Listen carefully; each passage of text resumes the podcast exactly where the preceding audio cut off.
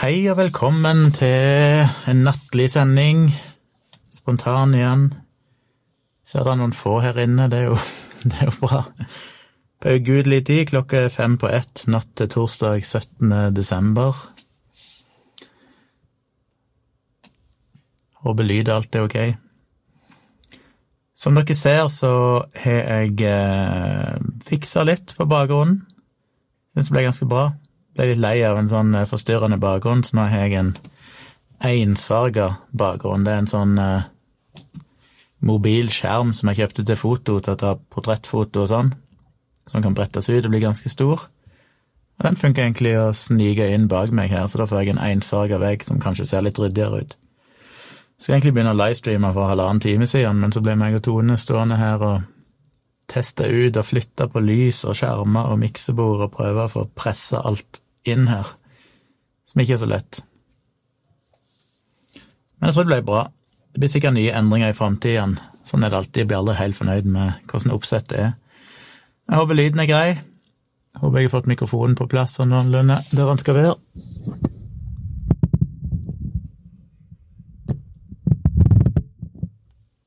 Måtte justere litt på den. Sånn, kanskje. Men god kveld, ja. Tedje, Tedje, eller hva du kaller deg. Jeg må snart få dere til å skrive navnene deres med lydskrift, jeg vet ikke hvordan jeg skal uttale dem.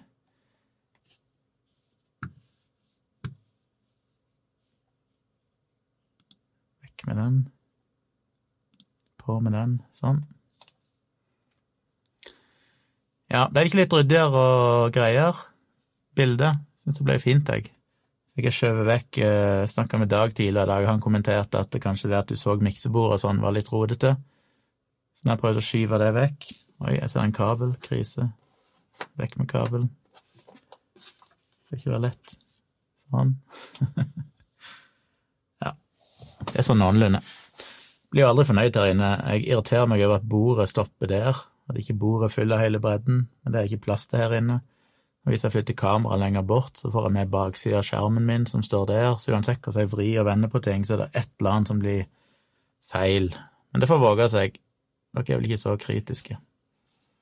Tone syns iallfall det var fint, men hun er helt inhabil, så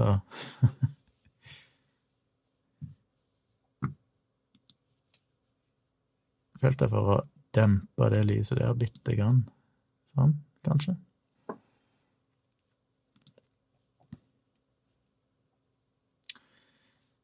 Ja, god kveld, eh, Tedje. Tedje, som jeg har fått beskjed om at det heter. Enter det Gulag sier at snart blir Jesus født, gleder meg.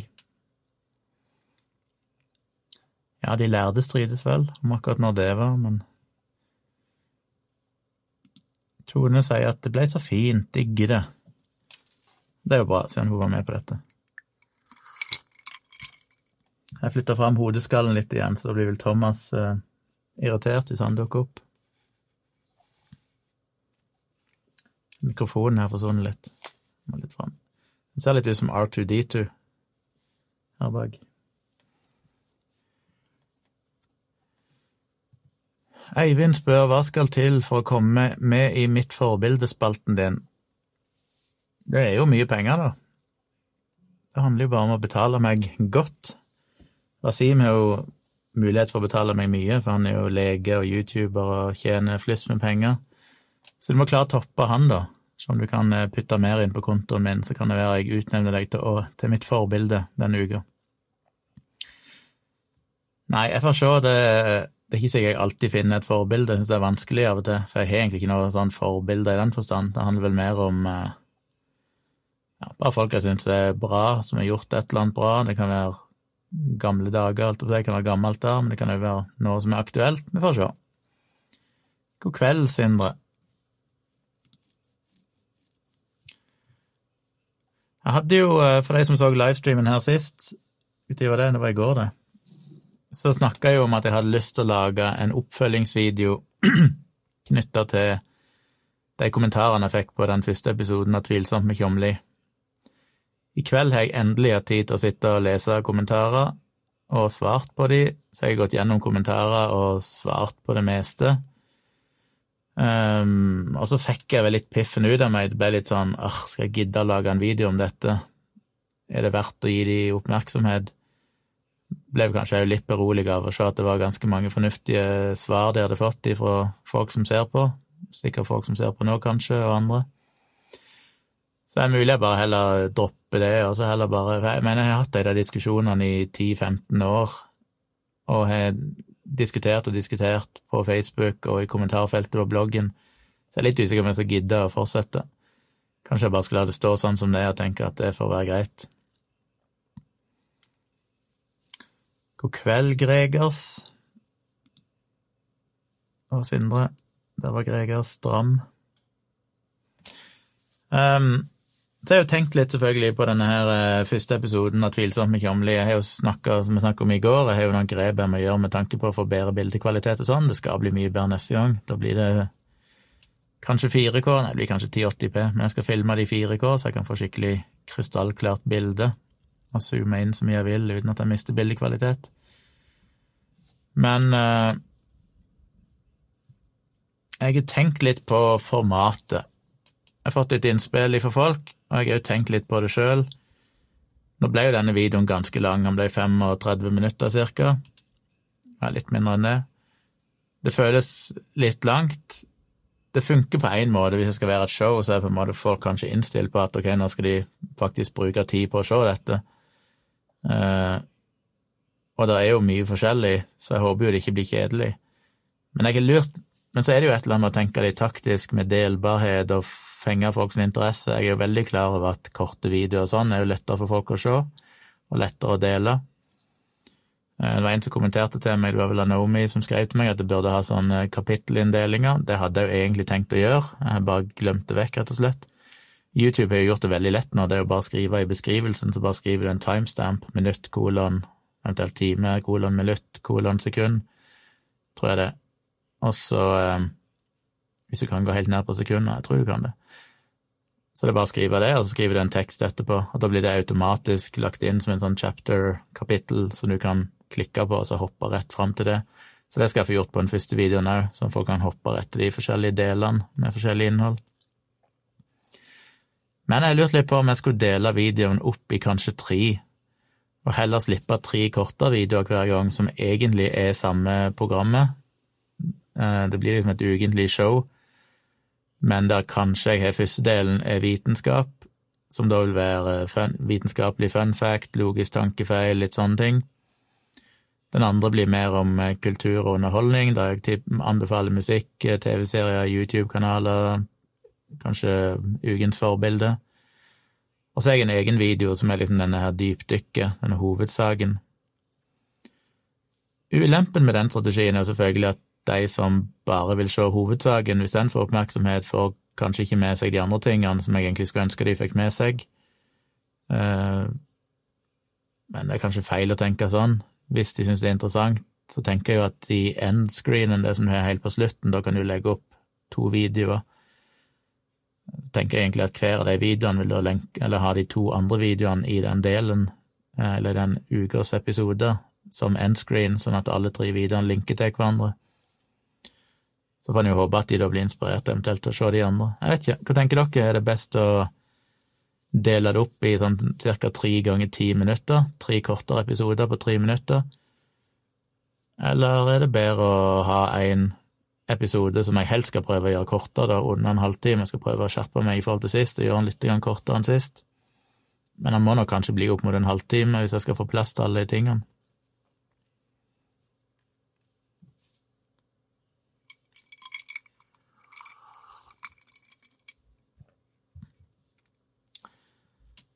Så kom gjerne med innspill på det, jeg er nysgjerrig på hva dere tenker, dere som er her. Men ja, når jeg ser på bildet nå, så er det ganske fint med en jevn farga bakgrunn. Jeg irriterer meg selvfølgelig over at det er skygger og sånn, men det er jo klin umulig å få vekk dem, da må jo ha uendelig med lyskastere rundt forbi. Sid sier at han foretrekker å se alt på en gang. Hva tenker dere andre? Kanskje jeg må lage en poll inne på eh, patronen min så kan de si Patron som er å bestemme hvordan jeg skal gjøre det. Det er kanskje en idé. Det går jo an å lage en poll på YouTube òg. Men eh, ja. Får se, kanskje jeg lager en poll begge plassene, og så prøver jeg å finne en eller annen form for, for et inntrykk av det.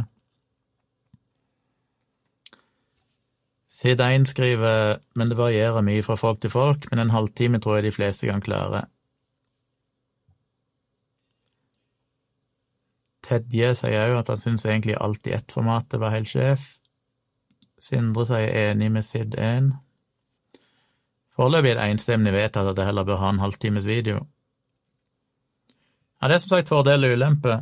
Det er klart, det hjelper jo litt hvis jeg har kapittelinnndelinger, sånn at det er lett å hoppe til den delen du ønsker å se. Da er det jo basically ett fett om du har én lang video eller tre korte, for da kan du bare ett klikk, og så er du for eksempel med hovedtema, hvis det er det du ønsker å se. Så kanskje det er bedre. Jeg tenker jo bare av og til at uh, hvis du deler en video på YouTube, så er det klart at terskelen for folk å trykke play øker jo for hvert minutt lenger videoen er. Det er litt større sjanse for at de i løpet av en arbeidsdag eller i lunsjpausen eller sånn kan klikke seg inn på en femminutters video. Men en halvtime er jo fort en forpliktelse, så det blir mer når du må se når du faktisk er tid på kvelden eller noe sånt. Og da blir det litt mindre spontant. Da er sånn delinger sånn litt mindre effektive, for når du deler noe på Facebook, så må du egentlig se det med en gang, hvis ikke så forsvinner det jo stort sett igjen. Men eh, jeg er åpen for innspill, jeg er usikker på hva som er riktig. Hvis en virkelig hadde gidda, så er det jo alltid mulig å lage én lang video og så i tillegg dele klipp av den i kortere segmenter.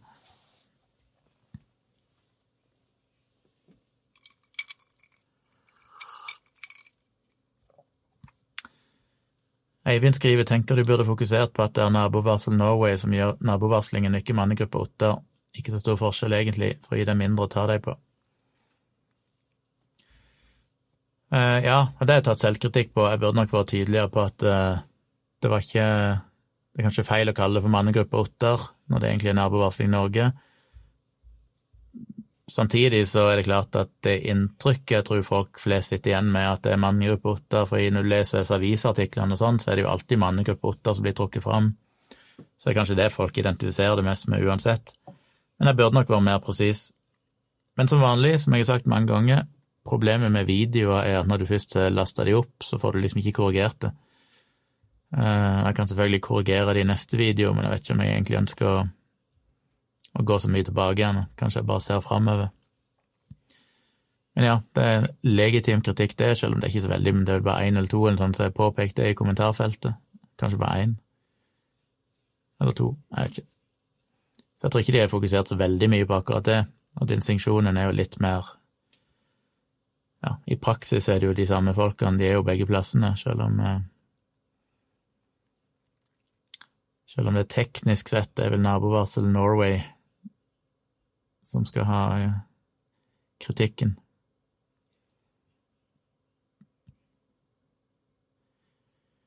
Joakim sier jeg ser nok hele videoen uansett, men kanskje lurt å sette hovedsaken først hvis du vil tiltrekke deg nye seere.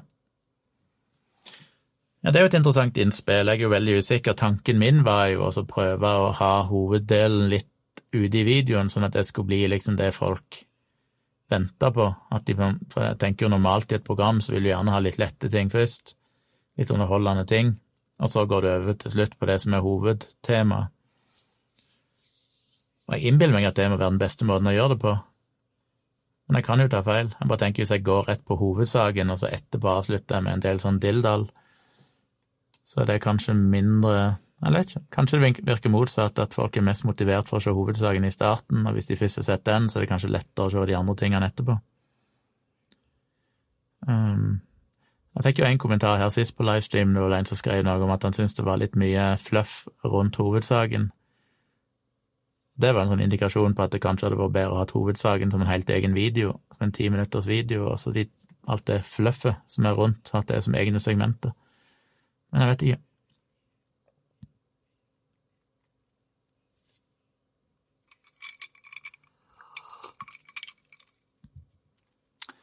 Greger sier at han vil ha en oppfølgingsvideo.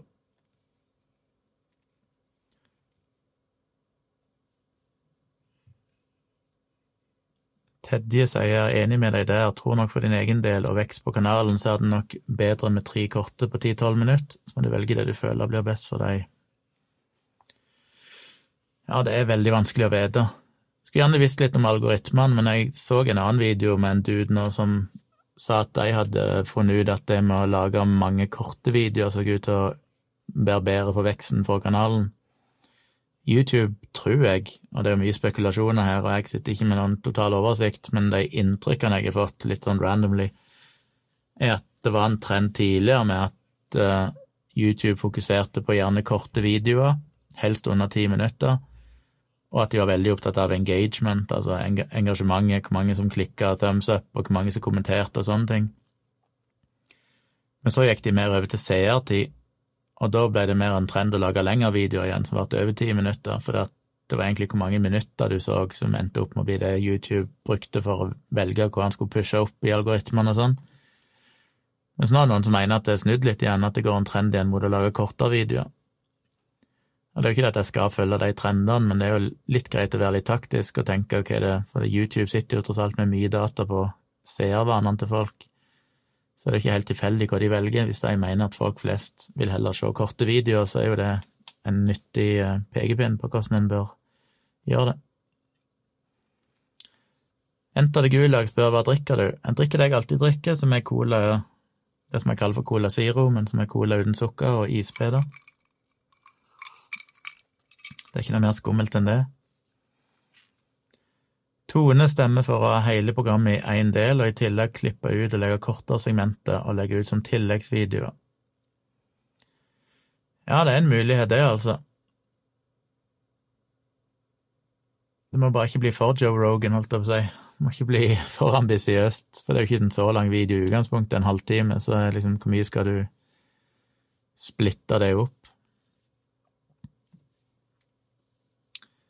Jostein sier typ som Philly D legger hovedsaken først og sprinkler med good stuff I, I like today etterpå. Format som funker, spør du meg. Ja, ok, jeg hadde egentlig ikke tenkt på det, men det kan godt være at det er en uh, god strategi. Enter det Gulag sier er det forresten kun hos meg det hakker litt. Sannsynligvis ikke. Jeg snakka litt om det i gårsdagens livestream, at jeg tror jeg har oppdaga at jeg har litt for dårlige HDMI-kabler. For eh, de to kameraene jeg har her, de er jo kobla med lange fem meter pluss skøyteledning, så de er kanskje seks, nei, nei, iallfall sikkert seks-sju meter lang. Og det virker som at de har litt problemer med når jeg beveger meg og sånn, så klarer de ikke helt å overføre dataen fort nok. Så jeg må rett og slett se på nye kabler. Men det var en uh, Roy her i chatten, han er vel ikke her nå, men som eh, sendte meg link til noen uh, kabler som virka som de var i henhold til standarden, og som ikke var så altfor dyre. Først så sendte han meg noen på fem meter som kosta 3700 eller sånn for kabel. Men så fant han noen andre etterpå som han sendte meg, som kosta ja, nærmere 800, 700, et eller annet. Så litt mer overkommelig. Men det er jo fortsatt dyrt for en kabel, men en lang HDMI-kabel koster litt. Og det er litt surt, for jeg kjøpte jo nettopp disse her kablene og trodde jeg hadde funnet rette kabler, men det hadde jeg jo tydeligvis ikke. Så inntil videre så får vi leve med at det er litt uh, lag, iallfall når jeg beveger meg. Jeg får prøve å sitte stille. Erik skriver trenger ikke være så kort hvis det bare er én gang i uka, i motsetning til for eksempel Wasim Sahid og lignende.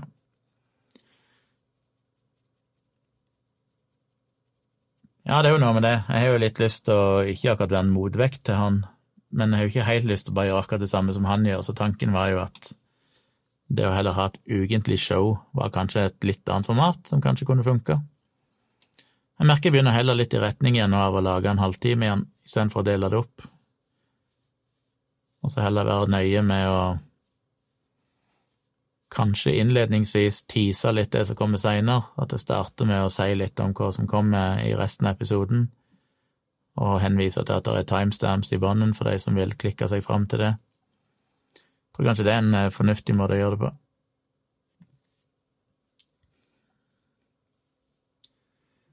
Starfleet Command sier Ser du har en Blue Yeti stående, kan den anbefales til podkast radio, eller står den bare til pynt fordi den er dårlig? Nei, Blue Yetien er veldig god, egentlig. Det er altså denne her, for de som ikke vet hva han snakker om.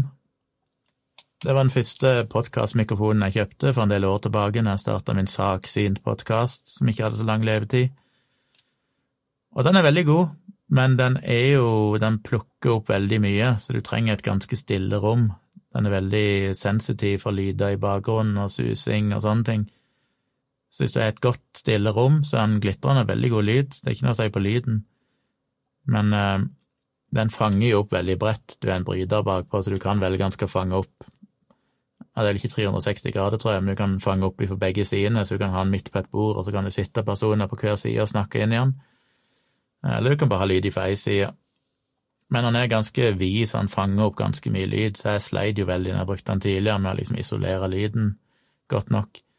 Så nå bruker jeg jo denne her røde Procasteren jeg har podkast, og den sitter du jo helt tett innpå, bare med hva si, fire-fem centimeter fra deg til mikrofonen. Eh, så den fanger jo egentlig bare opp stemmen din, for den eh, er ikke spesielt sensitiv, så du snakker veldig tett på den, og da er det ikke så farlig om det er litt susing og støy i rommet, den plukker egentlig ikke opp det. Og så bruker jeg jo Får du den med i bildet? Ja, du ser den så vidt her. Denne her røde ETG3, er ikke det? heter? Står det helt stille for meg. EGT3? Ja, jeg husker jeg ikke.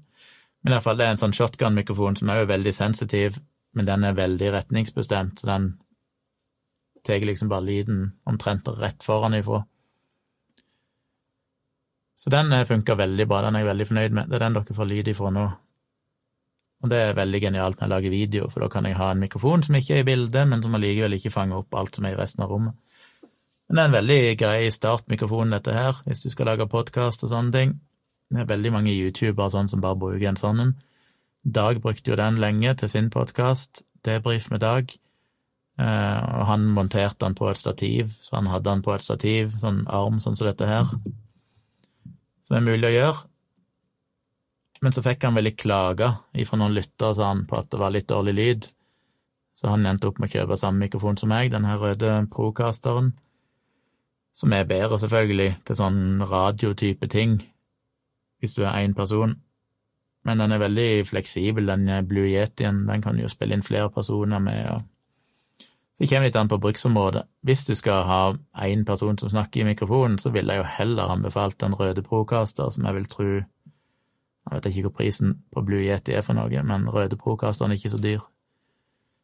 Så blir det jo litt dyrere når du skal ha den armen og, og den holderen, men eh, det er verdt investeringer.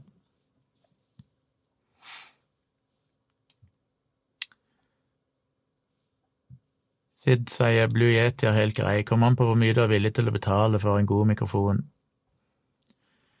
Ja, mitt tips er at du som regel sparer penger på å bruke litt penger på en god mikrofon. Fordi som du ser, jeg, jeg har jo hatt en del mikrofoner, og jeg har prøvd å slippe unna billig, men eh, ender ofte opp med å angre og finne ut det blir ikke bra nok. Du bruker så ekstremt mye, mye mer tid på å prøve å fikse lyden i etterkant. Og det er jo den store forskjellen nå når jeg lager videoer i forhold til før den der shotgun-mikrofonen spesielt. Eh, tidligere så brukte jeg mygg og prøvde forskjellige ting, men jeg blir alltid sittende evighet etterpå og prøve å fjerne susinger, fordi når jeg eh, komprimerte lyden litt og gøffa litt opp for å prøve å få stemmen høy nok, så boosta jeg òg støyen. Så måtte jeg sitte med alt mulig slags triks og prøve å få vekk den støyen etterpå. sånn, og Fullt mulig å gjøre, men det er mye ekstraarbeid. Men når jeg bruker den, så får jeg helt clean lyd rett inn, så jeg kan, det er høy nok lyd, og det er ingen sus. og det, Jeg kan nesten bare bruke lyden as is, jeg trenger nesten ikke gjøre noe med den. Selv om jeg gjør litt mer enn i EQ og sånn, for moro skyld. Greger skriver så nettopp videoen til Tone. Gratulerer så mye, Gunnar. Takk for det. Jeg henviser jo til den i første episode av Tvilsomt med Kjomli, at hun eh, fridde til meg, som jeg snakka litt om eh, her tidligere i livestreamen. Men det har jo altså en egen video om for de som har lyst til å se det, og se frieriet hennes. Karoline spør eh, hei, godtfolk, har du noen lesemål for neste år, Gunnar? Jeg har satt mål på 20 bøker, men håper på å tredoble. Ja, jeg er ikke så flink til å lese bøker for tida, det har jeg snakka om en del. Så jeg har ikke noe lesemål, jeg har mer et mål om å produsere innhold. Det er målet mitt. Føler sikkert jeg burde lese mer, men jeg, jeg vet ikke hva det er. Jeg har prøvd med jevne mellomrom før. Jeg leste veldig mye før. Men nå er jeg bare syns det er vanskelig å opprettholde motivasjonen til å lese bøker. Jeg begynner, og så tenker jeg at dette var kult, og så etter en stund så bare ender jeg opp med å gjøre andre ting.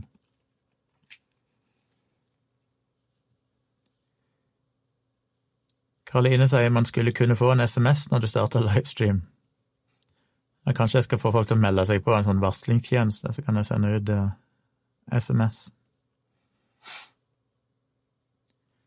Sid1 sier Procaster er en fantastisk mikrofon. Om du har penger, så har Shure, Røde, Sennheiser og Audioteknika mange glitrende mikrofoner mellom 2000 og 5000. Jeg syns at uh, Procasteren er overraskende god i moderne medier sine studio når vi spiller inn der vi spilte inn eh, dialogisk og sånne ting før pandemien, så har de jo selvfølgelig Shure SM7B, som jo er liksom standardmikrofonen som Joe Rogan og alle bruker i podkastsammenheng og radiosammenheng omtrent. Eh, det finnes jo enda dyrere og bedre mikrofoner enn det, men det er liksom blitt litt sånn bransjestandard SM7B. Og den eh, er jo omtrent dobbelt så dyr, vel, som Procasteren, men jeg vil jo på ingen selvs måte si at han er dobbelt så god lyd. Så ja, de fleste testene jeg har sett, mener vel at han er hakket bedre, men det blir litt sånn uh, at du får ikke du får ikke dobbelt så god lyd selv om du betaler dobbelt så mye for den. Og jeg syns jo Procasteren er utrolig god. Jeg trenger ikke noe bedre lyd enn det. Jeg har ingen savn når jeg bruker Procasteren, syns den er mer enn god nok. Så Røde Procaster er et veldig godt valg, men det finnes jo mye å velge mellom.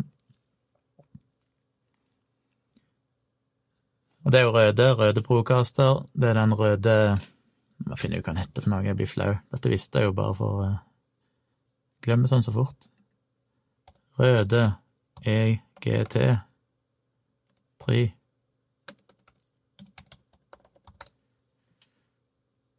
NTG, selvfølgelig. Herregud. Røde NTG3 er den jeg har over meg her, som jeg er veldig fornøyd med. Så har jeg jo noen SM58 og, noen, og en SM57 og sånn liggende i skapet, som henger igjen fra mine musikkdager. Så vidt jeg vet, så er vel den, eh, den Shure SM7B ikke det er bare en SM57, tror jeg, i en litt annen forpakning, teknisk sett. Så vidt jeg har skjønt. Noe sånt. Men ja, det er mye Det er en reise å finne ut av ting og det er ofte en del bomkjøp før du endelig ender opp med å finne det du skal ha. Men eh, du bommer ikke hvis du kjøper en Røde Procaster eller en Shure SM7B hvis du har råd til å bruke et par tusen mer. Så vil jeg anbefale det. Hvis du lager video, derimot, så vil jeg absolutt anbefale eksempel Røde NTG 3, som koster mye. Den koster jo over 7000 kroner, nesten 8, ja, 7000 et eller annet. Så det er en dyr mikrofon. Det er jo den dyreste mikrofonen jeg har, men det var verdt pengene.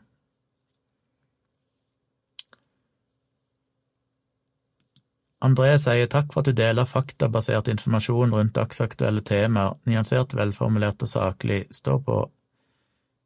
Episodene på rundt 30 minutter slår meg som mer presise i forhold til det aktuelle temaet.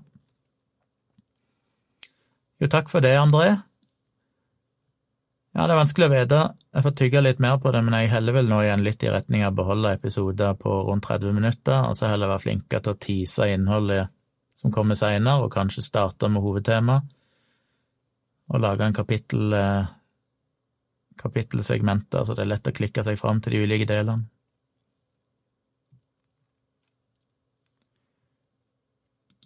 Karoline sier virker som mange her har peiling, jeg trenger en mikrofon til å pod podkaste og slikt, men orker ikke bruke over 3000 kroner. Tips? Ja, jeg vil jo si den røde Procasteren, hva den koster for tida. Nå sier jeg procaster, men egentlig mener jeg eh, blander alltid der. Procasteren, det er jo den der innspillingen. Nei, innspillingsdingsen. Nei, det er mikrofonen, ja. Blander alltid de to. Hva den andre heter? Røde Ja, anyway.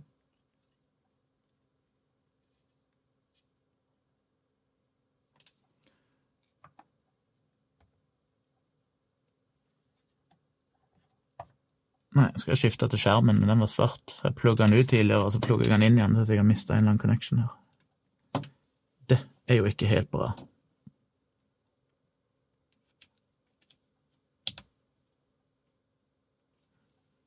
Skal vi se om han kom der.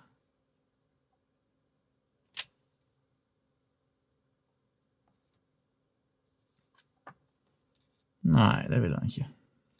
Ja, ja. Da får det bare være, da. Skjønner det var litt irriterende.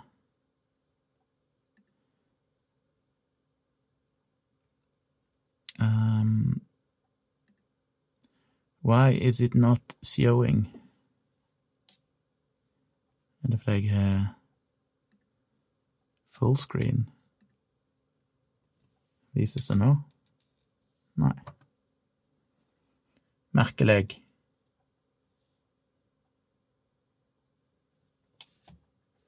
Ja, jeg har plugga den inn i feil. Det er nummer fire som er Der, ja. Der er du røde Procasteren som vi bruker til podkasting. Den ser sånn ut. Ganske stor dings. Men eh, som du ser, så Ja. Jeg husker aldri om den der. Den tror jeg du må kjøpe i tillegg, den der holderen. Hvis du skal ha den i en arm, så må du kjøpe den armen. Hvis du trenger modellnummer og sånn, så får du heller sende meg en melding på eh, Patron, så kan jeg si hva det koster. Prisen for Procasteren ligger på Kan vi se den, for eksempel komplett. De selger den til 2194 Nei, 2149. Men det er bare mikrofonen. altså Hvis du skal ha stativ og sånn i tillegg, så baller det jo fort på seg. Den armen der PSA1 koster 1099, og den holderen koster 469.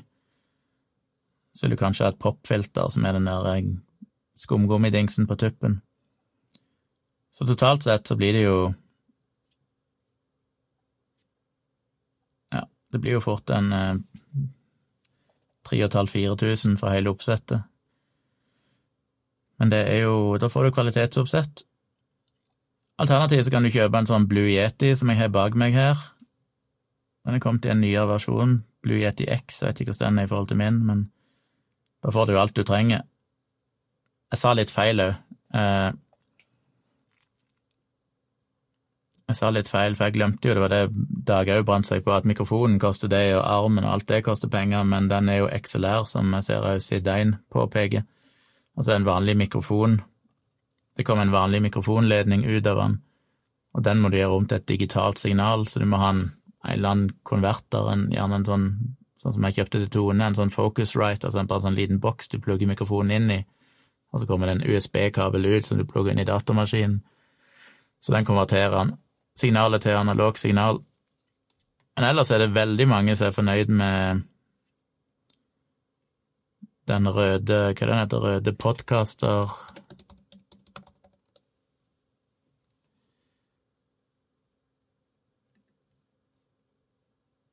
Hva den heter Røde Podmic, er det den? Ja. Den røde Podmic er jo veldig populær. Men den er jo XLR. Jeg trodde den hadde USB òg.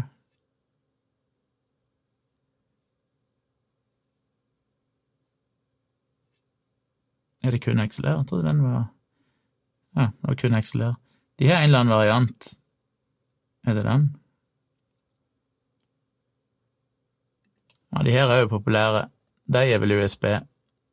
Så det er mange som bruker den, så den er veldig god, tror jeg, til podkast. 1775. Og den kan du bare plugge rett inn i datamaskinen. Trenger ikke noe ekstra bokser, utstyr og holdere eller noen ting, så du får alt du trenger til 1775. Så den mikrofonen jeg ser mange bruker, som jeg tror folk er fornøyd med, så den er jo eh, et godt valg, tror jeg. Det er mye å velge mellom, men en, eh, en jungel å navigere i.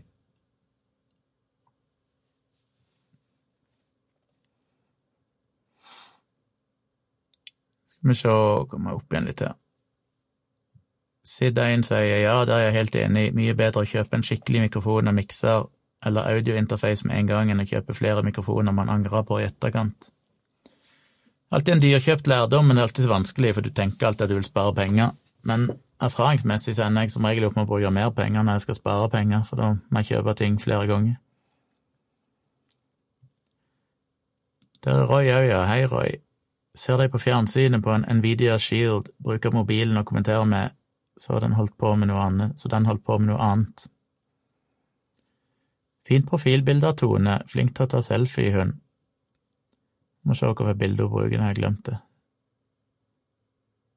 Det bildet er det vel jeg som har tatt, faktisk.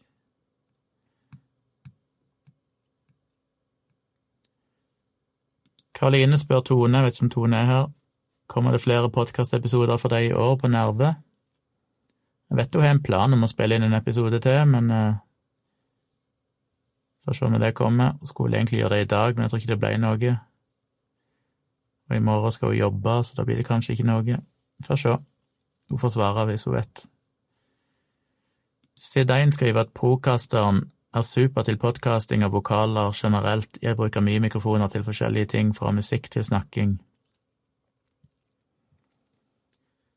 Thomas spør ei, hvorfor virker ikke YouTubes varsler alltid om dine livestreams? Sjekket flere ganger siste kvarteret, faktisk. Uansett, god kveld. God kveld, Thomas. Nei, jeg vet ikke. Har du passet på å skru på alle varslinger? For du kan jo velge at han bare skal ha sånne utvalgte varslinger, og da velger han vel litt sjøl. Hvis du trykker på bjellesymbolet som er på sida av abonner-knappen, så kan du velge alle varslinger, og da er det rart om ikke du skal få de, men jeg vet ikke.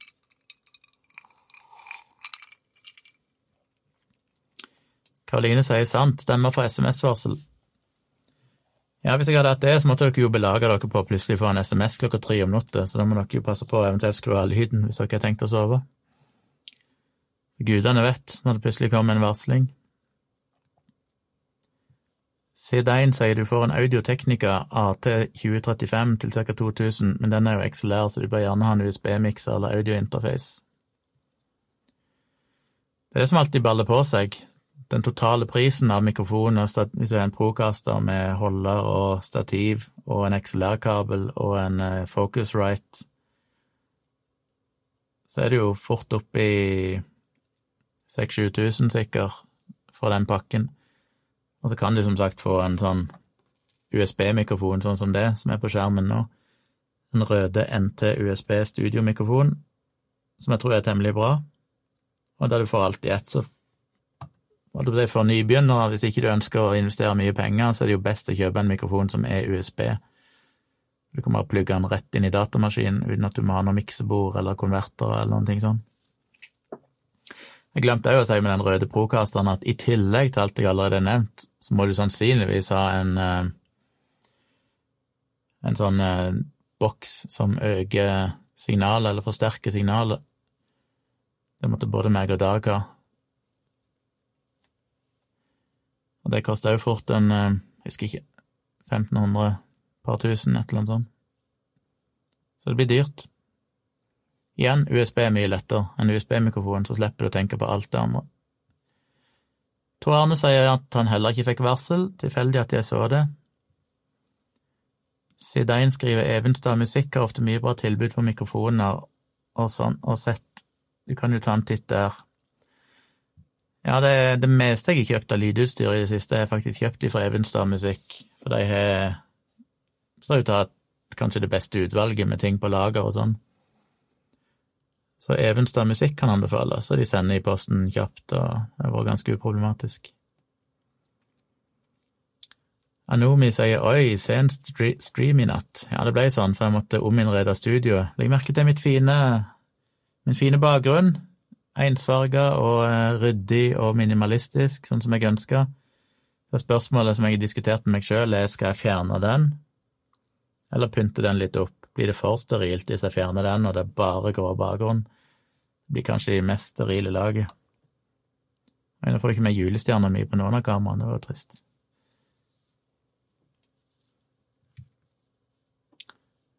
Roy sier at han heller ikke fikk noen varsel. Nei, hvis dere er sikre på at dere har skrudd på alle varslinger og ikke fikk varsel, så har ikke jeg noe svar. Dødsskvadd skriver du skulle fått deg en Leatherman, Gunnar, fantastisk å ha. Ja, det er jeg helt enig i, og selvfølgelig har jeg en Leatherman. Jeg har vært en Leatherman-person i hele mitt liv, holdt jeg på å si, spesielt siden jeg jobba som lydtekniker i mange, mange år. Da var det jo helt obligatorisk å alltid gå med en nerdete Leatherman i beltespennet. Så jeg, i lange perioder av mitt liv så gikk jeg alltid med Leatherman på meg. Men så mista jeg sikkert to av de i flyplasskontroller for jeg reiser på flyplassen, og så glemmer jeg at jeg har den fuckings Leatherman i beltet. Så skal jeg gjennom sikkerhetskontrollen og si sånn å, faen, der var den, ja. Og da har jeg et fly å rekke, så det eneste vi får gjøre, er vi bare levere den inn, og så er den gone. Jeg kunne gjort sånn som en eh, bekjent av meg gjorde, han ble stoppa i sikkerhetskontrollen med Leatherman, og så bare snudde han og gikk ut igjen, og så fant han ei en sånn blomsterpotte, og så gravde han Leathermanen ned i blomsterpotter på flyplassen. Så tok han flyturen, og når han kom tilbake igjen, så bare fant han samme planter, og så gravde han den opp igjen. Så det funka jo.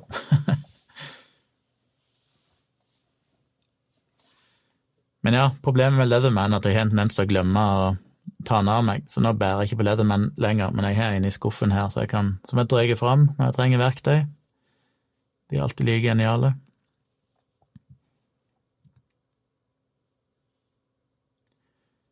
Anomi sier at uh, han hadde fått varsel på YouTube, hadde bare ikke sjekka YouTube mer etter at klokka ble 23. Sidein sier at en Audia Technica ATR 2500X USB-mikrofon får du til 1300 kroner på komplett. Det er vel en nyere, modernisert utgave av AT2020 USB, om jeg ikke tar feil. Jeg har ikke testa de USB-mikrofonene, så jeg har ikke noe formening om de.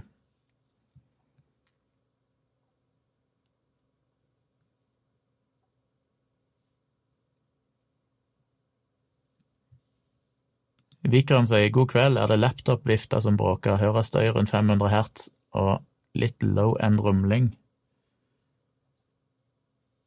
Det er ei vifte i bakgrunnen her, som jeg tror er en av de eksterne harddiskene mine som bråker mest av alle tingene her inne. Nesten litt overrasket over at den ble plukket opp så godt. Det får vi leve med. Det forsvinner som regel i podkasten, for i podkasten så kjører jeg en sånn støyfiltrering, så når jeg legger ut podkastversjonen av livestreamen min inne på Patrion, så får du en mer støyfri og litt lydbehandla versjon. Det var Tor Sindre. Hi. Godt nyttår, forresten. Intern, intern uh, spøk. Tor Sindre Kjomli, som dere sikkert skjønner, så er vi i slekt. Tone sier kommer minst én episode av Nerve før nyttår, planlagt en episode i løpet av de nærmeste dagene. Tone sier jeg ser frem til det. Anomi gleder seg. Karoline spør hvilket kamera filmer du med nå, du har sikkert sagt det før, men fikk det ikke med meg. Det har jeg sagt noen ganger før, ja, men jeg er alltid glad i å snakke om eh, kamerautstyr.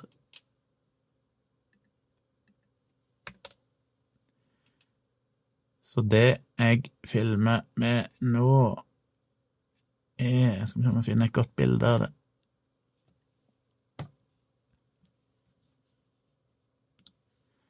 Det er et sånt kamera, et Sony A7 III. Nei, det var A7S der. Hvorfor er det bilde av A7S? Det var ikke det jeg skulle inn og se på. Ja, får ta Scandinavian-foto. Det er dette kameraet, Sony A7 III.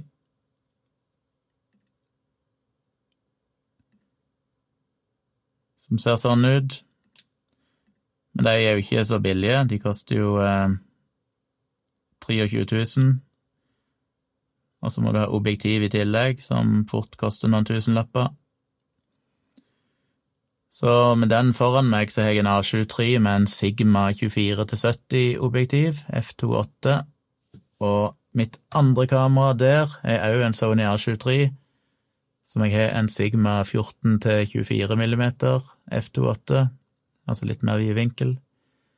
Og så har jeg en Sony A7C som jeg skal bruke som vloggekamera i tillegg, som er litt eh, På mange måter nesten identisk med Sony A7 bare at det er litt mindre kamerahus, et par funksjoner som er oppdatert, og mindre viewfinder og sånn, så det er ikke så godt egnet til foto.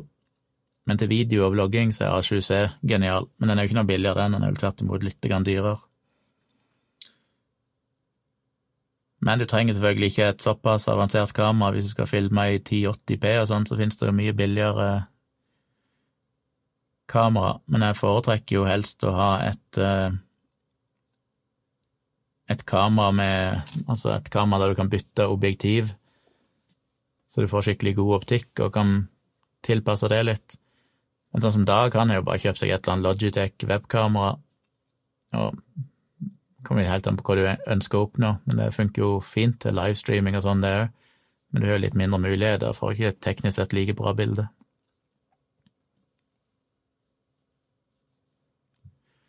Men jeg har de Sony A23-ene fordi jeg bruker de til fotoet, og de er geniale til, til De er veldig gode til foto og veldig gode til video.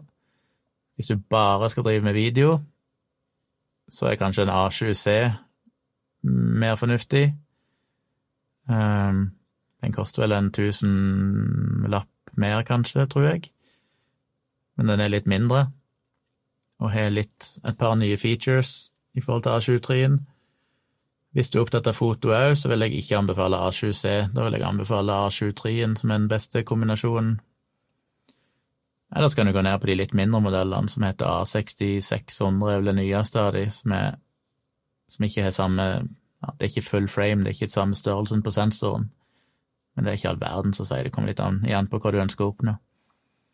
Jeg liker fullformatskamera, altså sånn full frame-kamera, for da får du ikke noen begrensninger i objektivene dine, og ikke noe cropping. Litt mer lysfølsomme og sånne ting. Sidein sier jeg har en Audient ID4 audiointerface. Den koster sikkert 1400, men jeg bruker også studiohøyttaler, som funker bra for meg, pluss at jeg bare kan plugge XLR-mikken min rett inn i den. Ja, jeg investerte jo for ikke så veldig lenge siden i uh, om jeg finne den.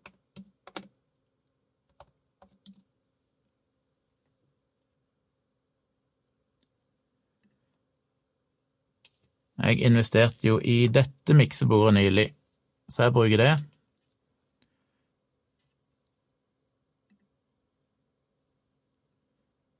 Det er stående rett her som dere ser. Og Fordelen med det er jo at det er et analogt miksebord, men det er USB, så jeg kan sende lyden digitalt rett ifra miksebordet inn på datamaskinen. Så istedenfor å ha en liten sånn holdt på å si, analog-digital-konverterboks, så bruker jeg miksebordet til det. For da kan jeg ha inn eh, to spor der jeg har to røde procastere, så når meg og Tone spiller inn virkelig grusomt på podkasten, så sitter vi med hver sin sånn mikrofon, og så har jeg den inn på et spor, kanal, og så har jeg en mygg på den fjerde kanalen. Og så kan jeg i tillegg ta lyd ut fra datamaskinen. Det er jo toveis USB, så du kan både ta lyd inn i miksbordet og sende lyd ut på samme USB-kabel. Så den er veldig kjekk til det. Det er jo litt mer eh, ambisiøst igjen. Ser altså sånn ut. Og den finnes i mange varianter. Det finnes litt mindre modeller, og det finnes større modeller. Det kommer helt an på hva en trenger.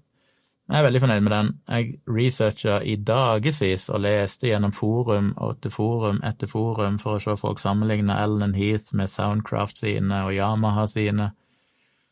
Men jeg konkluderte til slutt med at det var Soundcraft eller Alan Heath som så ut til å stort sett komme best ut hos folk som hadde prøvd alle. Og så følte jeg vel Alan Heath hadde en kanskje en liten edge, selv om Selv om forskjellen kanskje ikke Oi, i all verdens.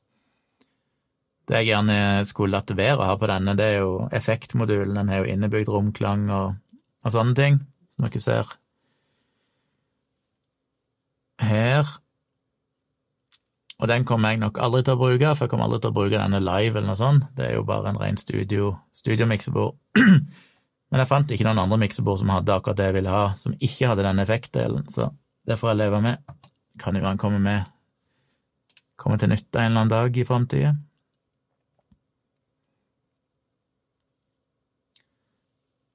Tor Arne sier jeg ikke må ta bort denne her, regner jeg med ansiktet til, den gjør hele bildet. Ja, den gir jo litt liv her inne.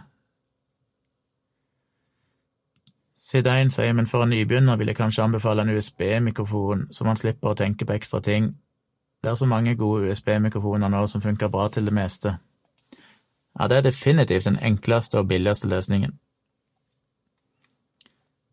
Karoline spør har, har du Hasselblad-kamera. Nei, det har jeg ikke. Eh, kun Sony. Det er jo litt sånn at uh, når du først har valgt et merke, så er det greit å fortsette med det, for da kan du bruke de samme objektivene på alle kameraene.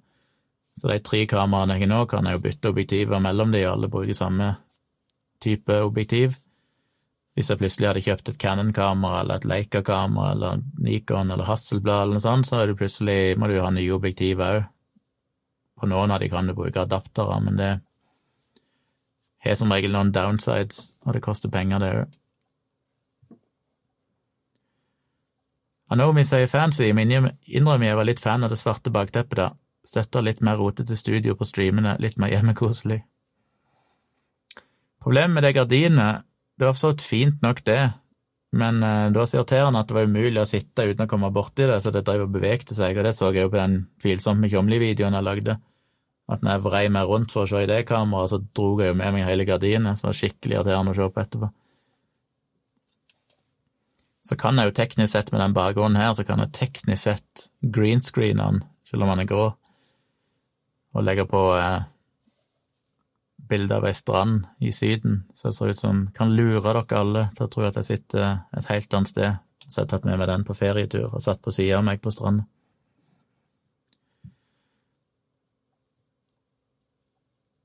Men til andre videoer tror jeg det kan være fint at det er veldig rent og minimalistisk. Ja, Teknisk sett så kan jeg bytte på det, for jeg kan, denne her kan jeg jo ta inn og ut, det er jo bare en løs dings, men jeg tviler på at jeg kommer til å gidde. Jeg knytter den fast i gardinstanga her oppe, og den er ganske stor og kronglete å drive og flytte inn og ut, så når det først er sånn, så får det være sånn. Jeg kunne kanskje ha senka julestjerna ned, så at den hang der, eller egentlig der, for å få balanse. Burde kanskje et julestjerne der.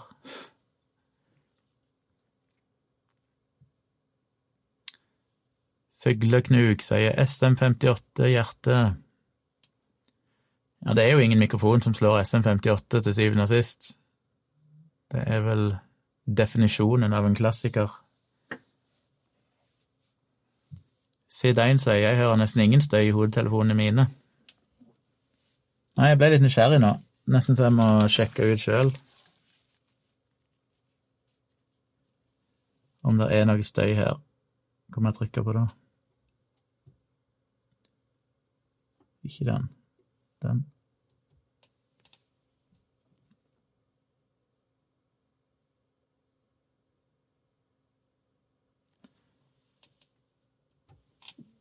Jo da, du hører susinga der bak, du gjør det. Men det får vi leve med. Den er ikke så veldig overveldende. Må se om jeg finner en plug-in så jeg kan kjøre noise filtering på livestreamen.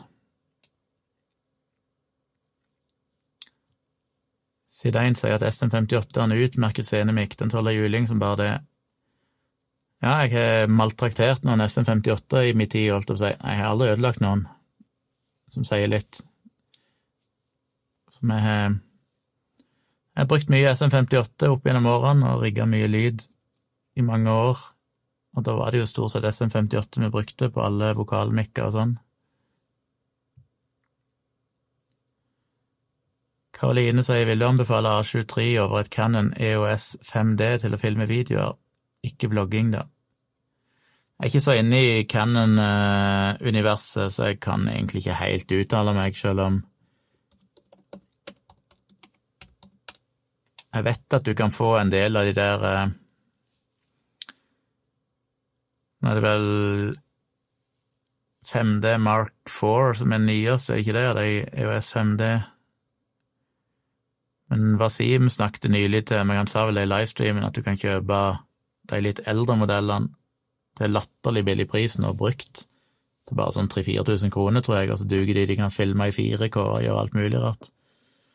Så hvis du kjøper et brukkamera eller en litt eldre modell, så får du jo utrolig mye for pengene. Jeg bare innbiller meg at de der 5D Mark 4 er ganske svære beist. Tror de er litt større enn de der A23-ene. A23 er ganske små, så jeg liker jo formatet på dem. Men det er jo fantastiske kameraer, de er jo S5D. Det er jo veldig mange proffe youtubere og fotografer som bruker dem. Men jeg vil nesten si at det er litt overkill igjen, selv om de faktisk ikke er så ekstremt mye dyrere enn Sony sine. Jeg trodde de var en del dyrere, jeg, men eh. Men ja. Jeg tror nok fortsatt mange vil si at uh, Sony sine har jo hatt en liten edge når det gjelder autofokus, selv om de helt nyeste Canon-kameraene, de EOS R5 og R6 og sånn, de har jo fått eh, veldig god autofokus og vel er på linje, eller kanskje muligens hakket bedre igjen, jeg er litt usikker, enn Sony sine. Men de litt eldre kameraene, eller Canon EOS 5D, jeg vet ikke hva det er med dem, jeg vet ikke om de har den helt nye autofokusteknologien som de nye Canon-kameraene har, så jeg innbiller meg at de har litt dårligere autofokus. Så det fine med Sony A23 er at de har egentlig alt um, til den prisklassen. De har en autofokus du alltid kan stole på, som finner øynene dine uansett hva du gjør, og er veldig god, veldig gode i dårlig lys, og ja, de er gode generelt sett. Dødskvad sier du har tidligere nevnt flere ganger din store interesse i musikk og at du spiller gitar videre. Har du publisert noen sanger? Hvis ikke, kunne du tenkt deg å produsere musikk en gang i fremtiden? Ja, jeg har snakka en del om at jeg har spilt i band og sånn i mange år. Han Tor Sindre som var innom chatten her, som vet ikke om han er her lenger, han var jo eh, blant annet gitarist i bandet, og meg og han har laga mye musikk sammen opp gjennom årene. Jeg har spilt mye forskjellige instrumenter, piano er jo egentlig hovedinstrumentet mitt, så jeg begynte jo med piano og synt i band, og så gikk jeg over etter hvert og spille mer gitar, eh, av og til slagverk, av og til bass i litt forskjellige sammenhenger.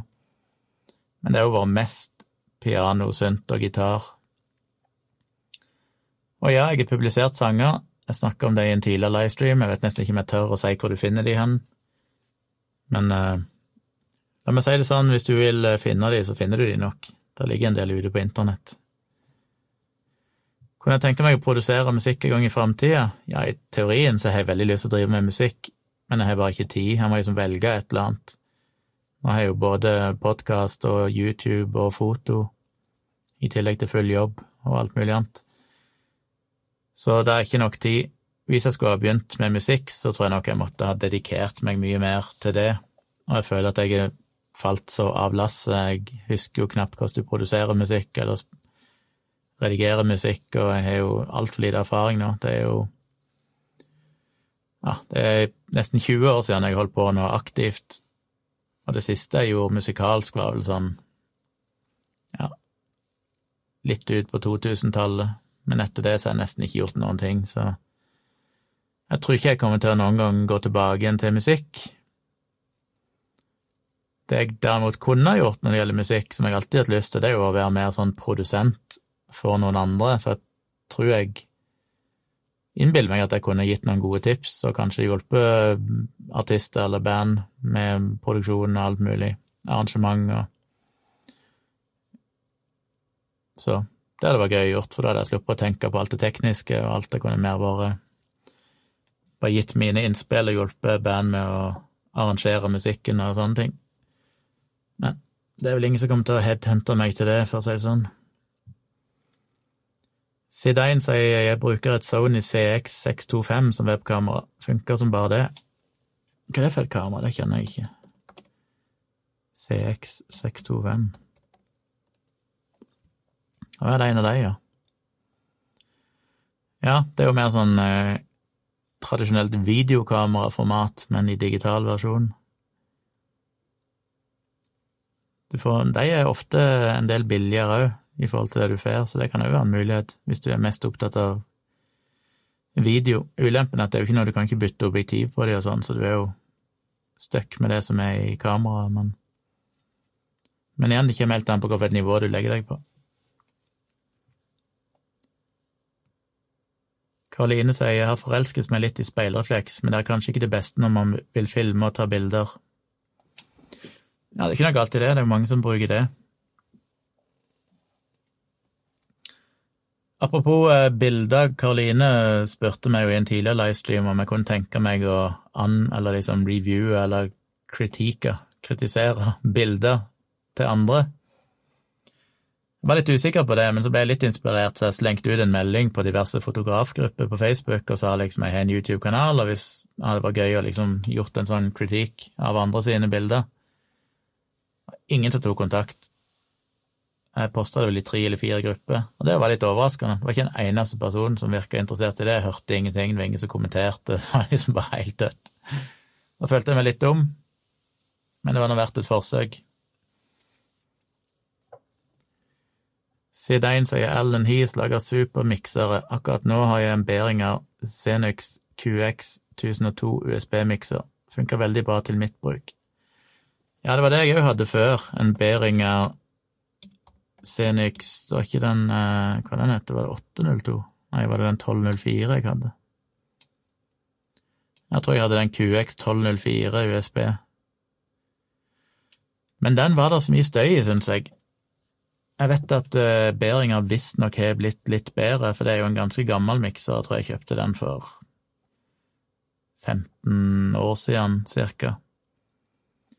Og jeg brukte den i starten, men preampene på han hadde for mye støy, så det var liksom det viktigste kriteriet når jeg leide etter en ny mikser, det var å se på anmeldelser og reviews på diskusjoner i forum og sånn, og finne ut hvorfor en mikser som hadde lavest egenstøy.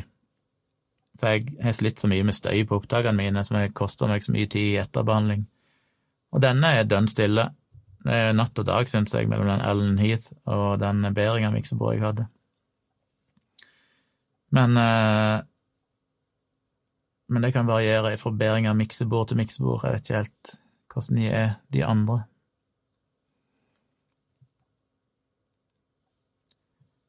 Anomi sier at green screen har noe for seg. Putt, ene, putt to eller tre 5G-master bare rett bak deg. Ja, det ville jo skremt vekk alle strålefanatikerne som ikke skjønner at lyset fra dataskjermen deres har mange titusener ganger mer energi enn 5G-strålinga.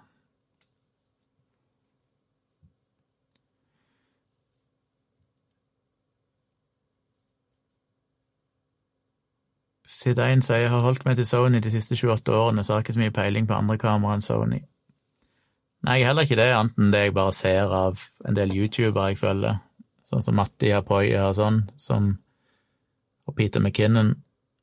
Peter McKinnon kjører vel fortsatt Cannon, vel?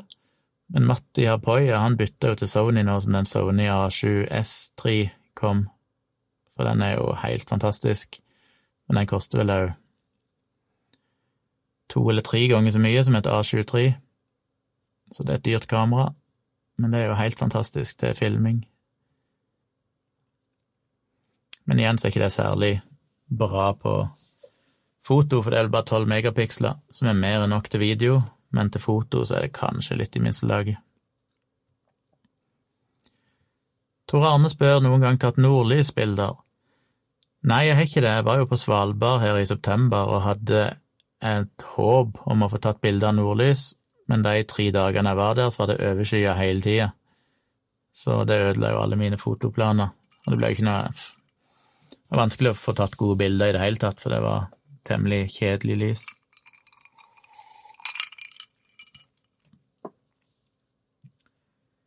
Anomi sier i går fikk jeg ei venninne til å se på streamen. Hun spurte om hvem du var, så jeg fortalte litt. Svaret hennes så han har influenser. ja, hvis hun mener det, så er vel, da har vi vel fasiten, da. Da har vi vel vedtatt det at jeg er en influenser. Hvis noen som ikke kjenner meg, konkluderer med det etter å ha hørt beskrivelsen av det jeg driver med, så Karoline sier jeg har tatt mye nordlysbilder med speilrefleks og stativ. Jeg kommer fra Harstad, savner å bo i nord på grunn av nordlyset. Ja, jeg har absolutt lyst til å ta nordlysbilder en dag, selv om det selvfølgelig er ganske klisjé. Alle, alle har jo gjort det før, men det hadde vært gøy å få tatt noen fine nordlysbilder. Jeg kjøpte jo det Sigma 14-24-objektivet før jeg reiste til Svalbard, og det var delvis fordi jeg håpet jeg skulle kunne ta noe astrofoto eller nordlysbilder. Da måtte jeg ha en skikkelig vidvinkel som var litt eh, noenlunde lysfølsom. Men det ble jo ikke noe av det. Men én dag så skal jeg få gjort det òg.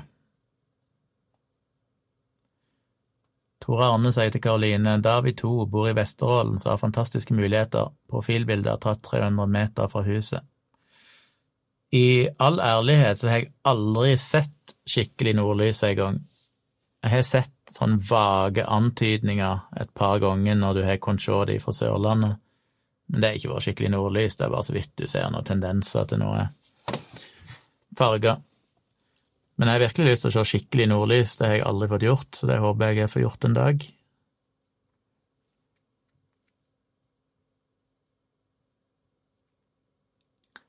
Karoline sier Tor Arne, misunnelig på den hjemplassen. Tor Arne sier flytt hjem igjen, kommer aldri til å flytte herifra. Nei, det er ufattelig fint oppe i Nord-Norge, det er det ikke noe tvil om, men jeg hadde nok eh, Jeg er ikke så glad i mørke, så mye mørke og kulde.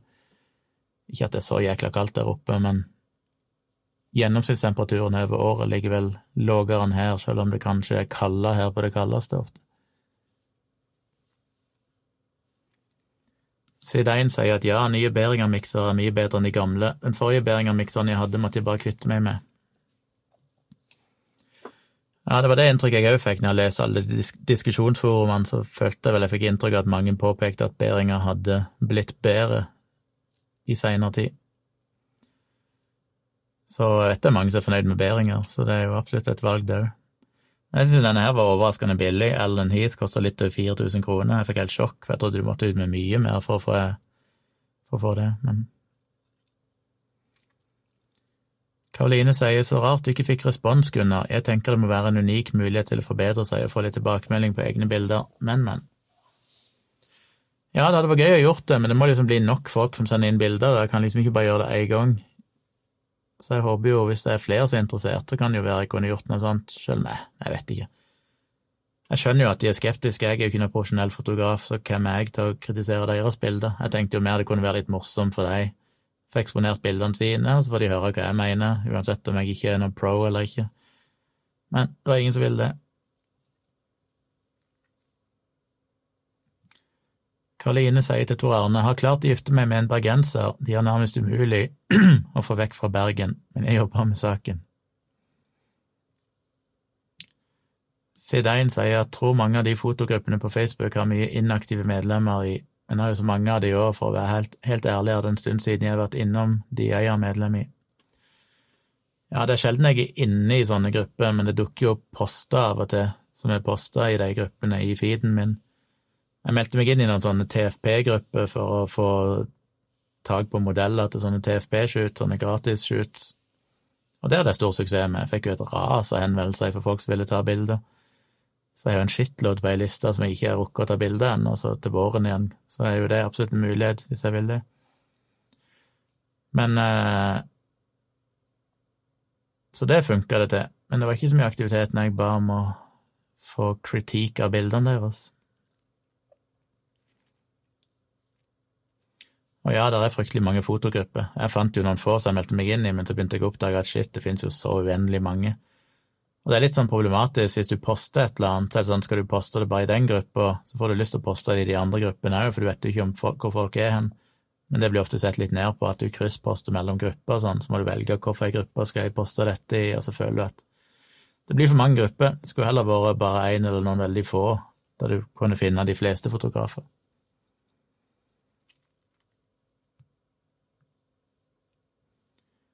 Anomi sier sånn antydning til nordlys da jeg var i Mosjøen i januar 2016, var der i ei uke, og det ble skikkelig nordlys bare noen timer etter at jeg hadde dratt igjen. Sidein sier jeg liker meg godt i Nord-Norge på sommeren, men nå har jeg flyttet fra Midt-Norge til Sørlandet, så det blir jo ekstra langt å reise dit nå. Fornavn etternavn sier har du fått mye hets fra ottarianerne siden siste stream, Nei, jeg har ikke hørt noen ting. Det ble dønn stille. Det var liksom noen to-tre timer at uh, de pøste på med kommentarer. Men så var det folk som sa at den posten inne på Facebook der de ble oppfordra til å kommentere, den ble sletta eller fjerna. Selv om det var litt delte meninger om han egentlig var fjerna, eller om det var bare sånn at du så han første gang du gikk inn i gruppa, eller sånn, jeg vet ikke, jeg har ikke sjekka sjøl, så jeg aner ikke. Jeg så bare screenshot av han som noen sendte meg. Så det er mulig at den forsvant, og at da bare fikk ikke folk det med seg lenger. Men jeg har jo sittet i kveld, som sagt, og svart på de fleste kommentarene der inne, så får jeg jo se om det dukker opp, om folk svarer meg på det igjen. Foreløpig så er det for lite. Og det virker jo som, jeg så jo en del av de kommentarene der folk skrev at de hadde ikke sett videoen engang, de gikk bare inn for å gi han en downvote eller skrive han en kommentar, og da er det litt sånn, ja ja. Kanskje grenser for hvor mye en skal engasjere seg i det.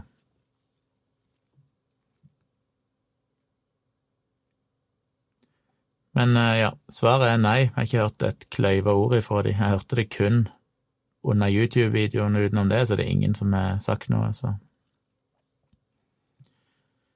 Karoline sier at jeg har sett veldig mye skikkelig nordlys, men bare én gang med alle fargene, grønn, rød, blå, det var det fineste jeg har sett.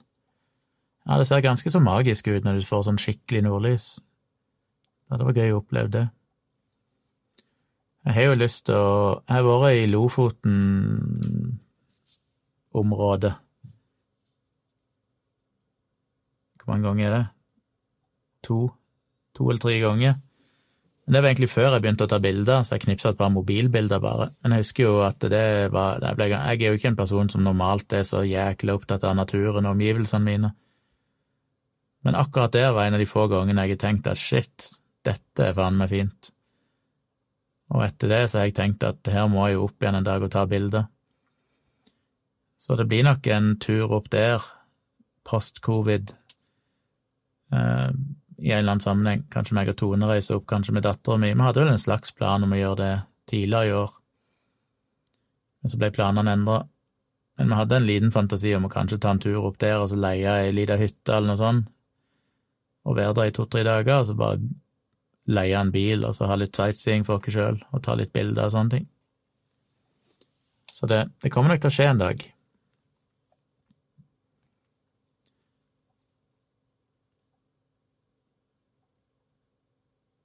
Karoline sier jeg skulle ønske det var mindre lysforurensning her jeg bor. Tor Arne gnir inn og sier ser ut vinduet nå. Ja, nå er det stjerneklart med grønt og litt blått nordlys.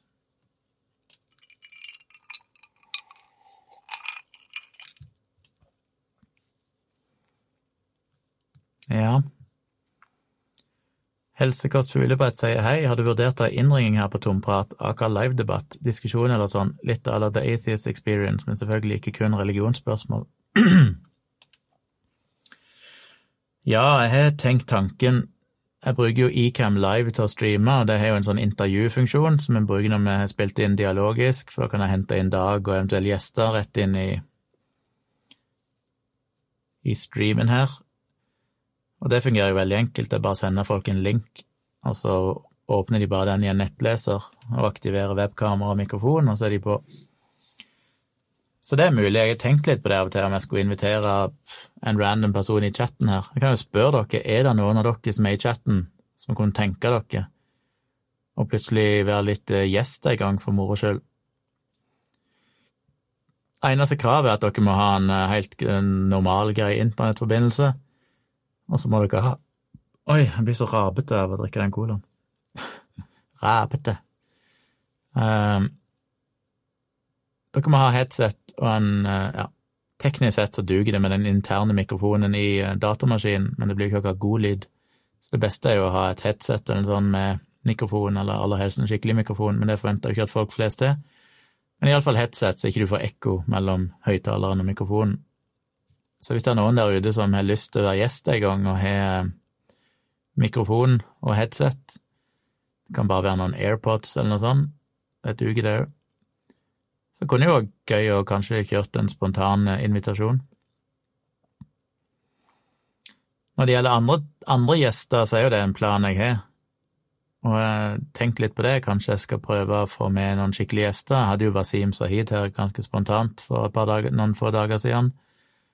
Prøve å få han med igjen, litt mer planlagt en annen gang. Kanskje vi lager en stream eller en video der vi snakker litt mer om fotoutstyr og sånn.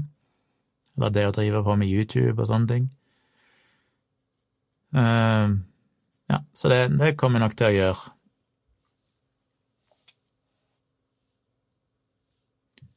Fornavn etternavn skrives «Sett nordlys én gang, og det, var, det og det i Sarpsborg. Sto ute i skogen og fisket, var sikker på at det var nyåpning av et utested eller lignende, men det var bare skog der, så forsto jeg det var nordlys. Magisk.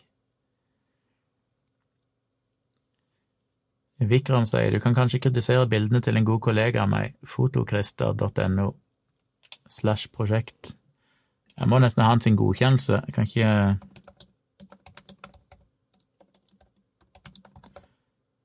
Jeg føler ikke jeg kan bare ta noen random bilder på nettet og begynne å kritisere. Men det var jo definitivt fine bilder.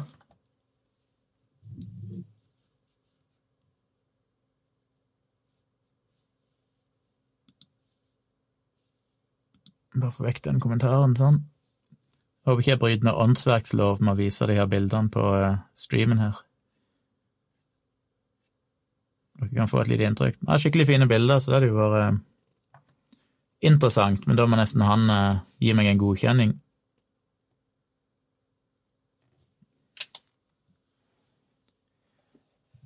Karoline sier eller innringing fra noen av oss i chatten hadde vært gøy. Ja, det må nesten være med bilde, føler jeg. Kan ikke bare være telefon. Det må liksom være litt livestream-gjest, så uh, hvis dere har kamera og headset og mikrofon, som sagt, så så det er mulig. Helsekost Fuglebrett sier kult, hadde vært artig om du hadde det på slutten av hver stream eller noe eller det. Sidein sier det kunne vært gøy. Fornavn etternavn sier hadde nordlyset hatt lyd, hadde jeg driti i buksa, sjeldent nordlys her nede, men når det først synes, er det helt sinnssykt sterkt, lysgrønn farge danset over skogen. Ja, det er ganske rart at jeg er 46 år og har ennå ikke klart å se et skikkelig nordlys, det er litt eh, provoserende. Helsekost sier noen i chatten, eller noen med annet syn enn deg på temaet, slik at det kan bli en fruktbar diskusjon, hadde vært bra content, tror jeg. Da kan du vokse på YouTube enda mer, tror jeg. Ja, det tror nok jeg òg. Men eh, det er litt latskap. Jeg må tenke litt på det. Det er alltid mye administrasjon rundt det å ha gjester og sånne ting. Og så er det jo gjerne forberedelser, og kommer jo helt an på temaet og sånn. Men eh, det er absolutt noe jeg tenker på.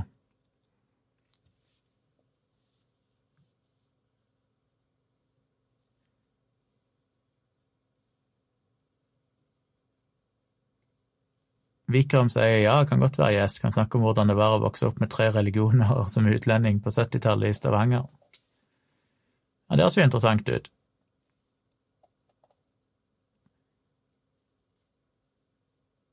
Vi må ha det i bakhodet og se om vi kan få til et eller annet. Frode sier vet du at det er noe som heter sørlys også? Ja, men det er jo ikke så mange som bor på den sørlige halvkule, så det er vel ikke noe folk flest får Eller det er færre som får se det. Frode sier ja, vil gjerne være gjest. Har en svart og rød mikrofon. Svarte er best. Min er svart. Han er kullgrå, eller annet sånt. Innerspace sier får vi en Carrington-event-lignende sak, så vil folk se nordlys ved Messinastredet i sydlig Italia og strømbrudd i stort sett hele verden. Ja, det snakket vi vel litt om i Dialogisk, da vi hadde den godeste Brian Cox som gjest. Da snakket vi litt om han om det, at det er en av de fascinerende tingene, at det er jo noe som statistisk sett vil skje. Gudene vet når, men det kan teknisk skje i morgen. og konsekvensene det vil jo være potensielt sett at en kan være månedsvis uten strøm. Det vil jo snu opp ned på hele tilværelsen. Det hadde vært grusomt. Men ja, det kan skje, og det er litt rart at det er såpass lite Det, vir, det kan jo være tatt feil, men han òg jo vel enig i det, at det virker som det er relativt lite bevissthet rundt det, og det blir gjort lite for å forberede. Det er litt som med pandemien, at det er jo noe vi vet kommer, og likevel er det sjokkerende lite engasjement for å forberede dere på det. Så plutselig kommer det en pandemi, og så vi, blir vi nesten tatt på sengen. Som burde være umulig, nei, un unødvendig, men det er jo sånn med politikk at det er ofte vanskelig å få gehør for å bruke mye, mye penger på ting som ingen har kjent konsekvensene av på kroppen, og ingen helt vet når det vil skje. Det er mye lettere å fokusere på ting som folk opplever i hverdagen. Vikram mener jeg burde invitere Jakke-Kari. Ja, jeg er åpen for det, og jeg har tenkt tanken, jeg har bare ikke helt tatt, uh, klart å motivere meg til å ta kontakt. Men det hadde jo virkelig vært gøy å ha en diskusjon med henne. Karoline må ta kvelden. God natt, Karoline. Hvis du trenger noe mer uh, spesifikke svar, så får du sende meg melding inn på Patron eller sånn, så kan jeg eventuelt gi deg noen mer konkrete linker.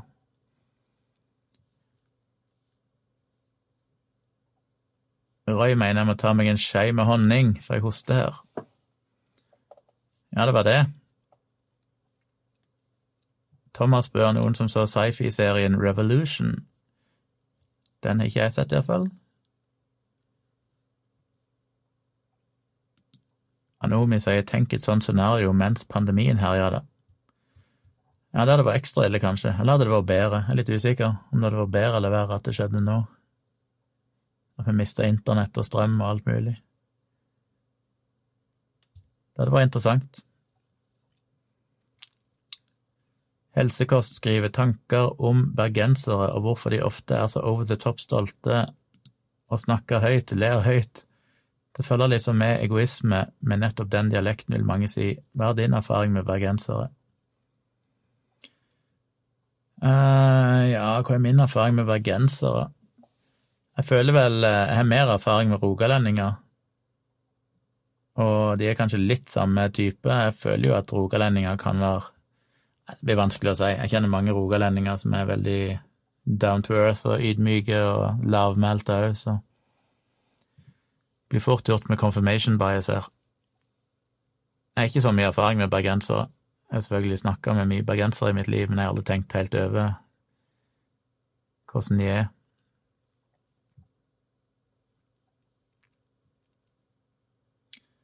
Erik sier at han tenker det samme, men tror også det er derfor jeg liker bergensere.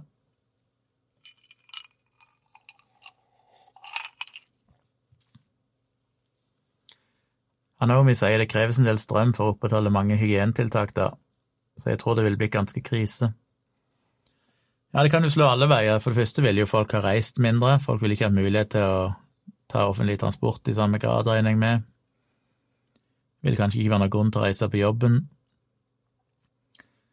Så spørs det jo med varer i butikkene og sånn, og hvor lenge det hadde vært, om det hadde blitt kaos. Det kan jo bli kaosscenarioer der folk trenger seg sammen i protester og køer og sånn for å få tak på mat, og, og sånne scenarioer vil være et smitte ugunstig i smittesammenheng. På den andre sida så tenker jeg folk da vil reise mindre og kanskje ha mindre med hverandre å gjøre. Eller vil de ha mer med hverandre å gjøre, for det er jo ikke internett og sånn, så kanskje folk vil begynne å samles i større grupper i forskjellige heimer. Jeg vet ikke. Interessant eh, scenario. Thomas skriver om eh, denne filmen, nei, serien Revolution. Der lagde våpenforskere et slags nanovirus som blokkerte all bruk av elektrisitet. Men det kom ut av kontroll, og hele verden mistet strømmen.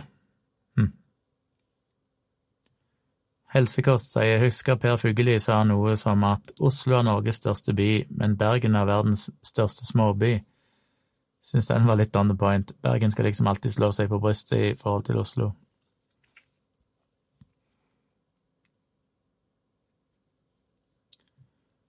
Laska Tore skriver godt svar, Kjomli. Hilsen lavmælt bergenser.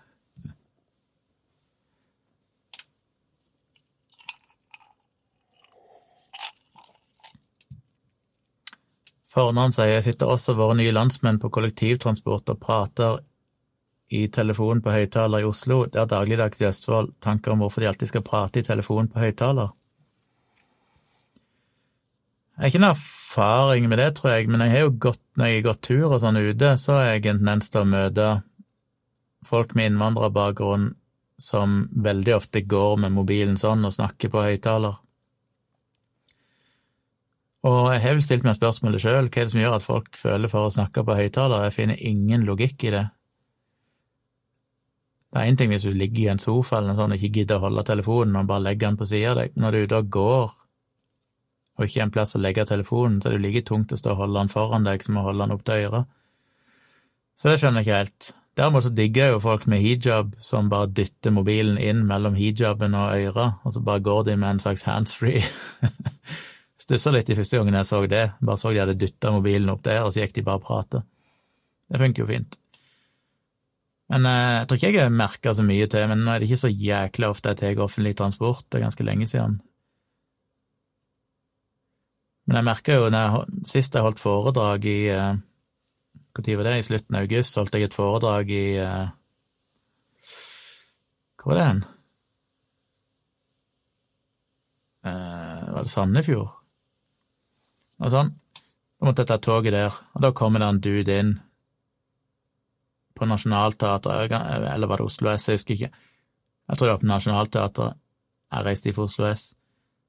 Eh, og kom inn med mobiltelefon og står og prater så forbaska høyt, og så setter han seg på andre sida av midtgangen, det var en ganske ung mann, og prater og prater, da blir jeg, det er sånn jeg får så sjokk av det, er sånn, hvordan Én ting er å ikke ta hensyn til at det sitter andre i samme vogna, og alle sitter og hører på samtalen din, at det kan være plagsomt, men en annen ting er at en ikke føler noe behov for diskresjon. Det er jo det verste jeg vet, det er jo når folk hører meg prate i telefonen. Det er ekstremt høy terskel for at jeg skal ta opp en telefon og, og, ta en samtale mens jeg sitter på offentlig transport, selv om jeg bare snakker lågt inn i telefonen. Så jeg blir fascinert av sånne mennesker som bare ikke bryr seg noen ting om omgivelsene sine, bare kommer inn og prater som om de eier hele verden.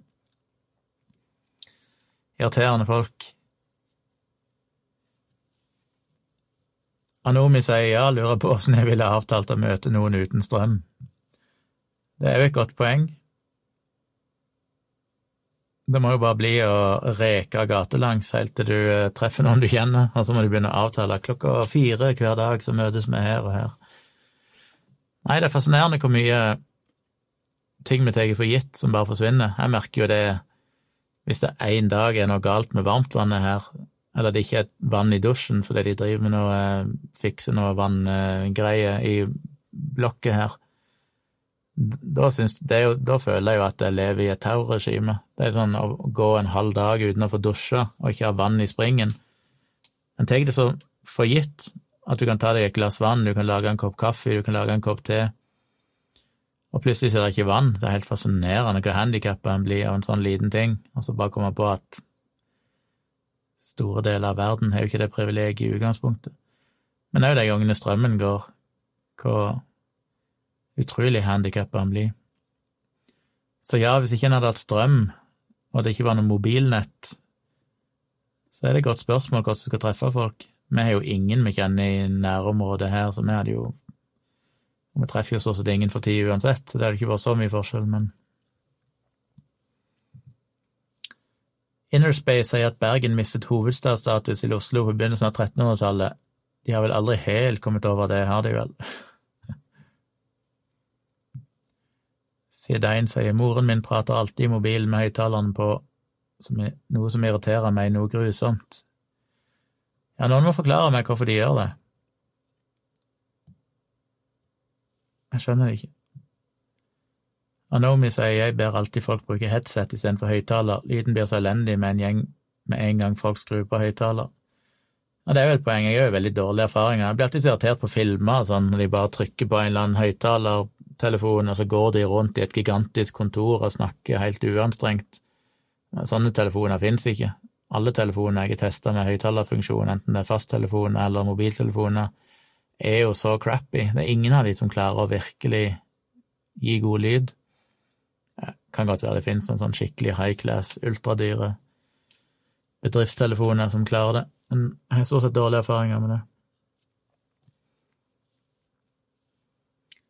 Anomi sier eller når familie ringer, setter de på høyttaler, og alle fem som sitter i stua skal skrike 'gratulerer med dagen' samtidig. Det kan være morsomt, det har jeg gjort et par ganger med kompiser av meg, der de sitter to-tre sammen og prater, og det funker for så vidt greit nok hvis det er stille og alle sitter innendørs i rolige omgivelser. Men prater jeg one to one, så ser jeg ikke noe poeng i å bruke høyttalertelefon, som regel.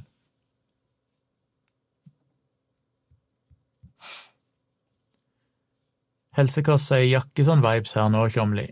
Hva har jeg sagt som gir Jakkesson-vibes? Jeg er spent. Roy sier at strøm er det desidert verste å miste.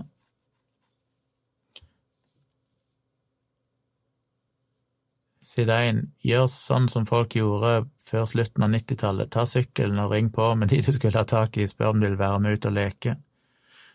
Ja, hadde jeg begynt på Tonstad, så hadde det vært null problem, for da kunne jeg gått eller sykle til hvem som helst.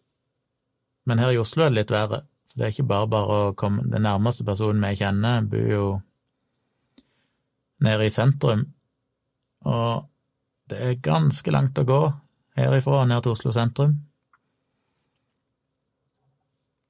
Selv om det er teknisk mulig.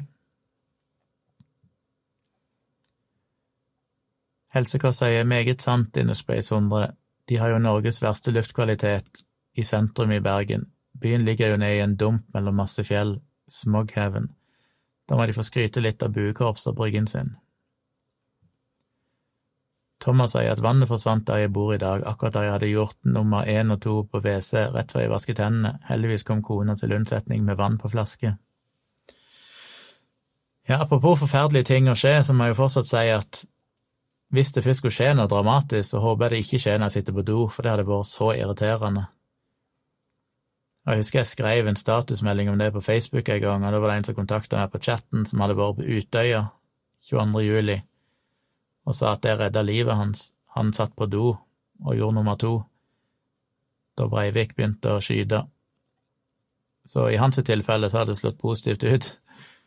Men i mitt tilfelle så tenker jeg ofte hvis noe sånt hadde skjedd, hvis det hadde kommet en eller annen massemorder eller en terroraksjon eller et eller annet, så hadde det vært så utrolig irriterende å sitte på do akkurat da. Jeg hadde ikke helt visst hva jeg skulle prioritere. Skal jeg prioritere livet, eller skal jeg prioritere å tørke meg bak? Et vanskelig valg, vanskeligere enn det du tror.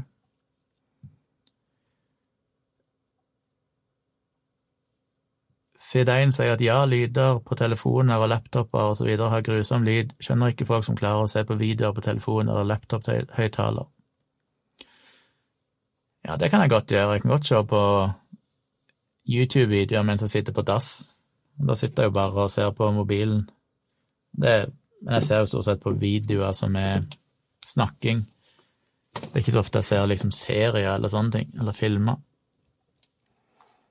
Men er jeg på ferie og sånn, så funker det helt greit å se en film på iPaden. iPad Pro-en har jo fantastiske høyttalere. Ikke fullt så bra på mobilen, men Anomi sier ja, har én venn som bor i gangavstand, men mesteparten bor i Oslo.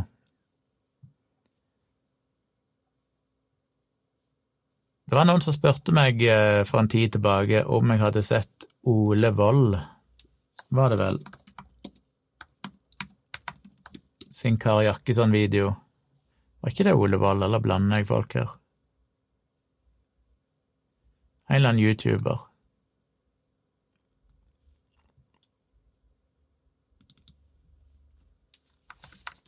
Vil jeg blande nå? Nei, det er Ole Wold, ja. Jeg så han hadde kommentert fornuftig under den videoen min. Jeg regner med det er samme person. Men jeg så hans Kari Jakkesson-video, og den var jo Den var jo bra. Det var jo en helt annen vinkling enn meg, på en måte. Han er jo litt mer sånn eh, Satte jo mer på underholdning enn rene fakta. Men jeg ble jo litt misunnelig. Jeg har jo egentlig lyst til å prøve å lage videoer litt mer i den stilen, og det er jo litt av planen med det nye vloggekameraet mitt, og jeg skal prøve å, å filme meg sjøl i litt andre sammenhenger enn bare her foran her i studioet mitt. Men det var en kul video han hadde lagd. Jeg må kanskje sjekke ut flere av hans videoer. Jeg er sånn noob i YouTube-verden. Jeg ser jo masse YouTube, men jeg ser nesten ingen norske, så jeg får ikke med meg hva som finnes av norske youtubere. Det er som bare Wasim Sahid jeg egentlig vet om. Utover det, så Altså Andy X, eller hva han heter, han som driver med det filmstudio-greiene.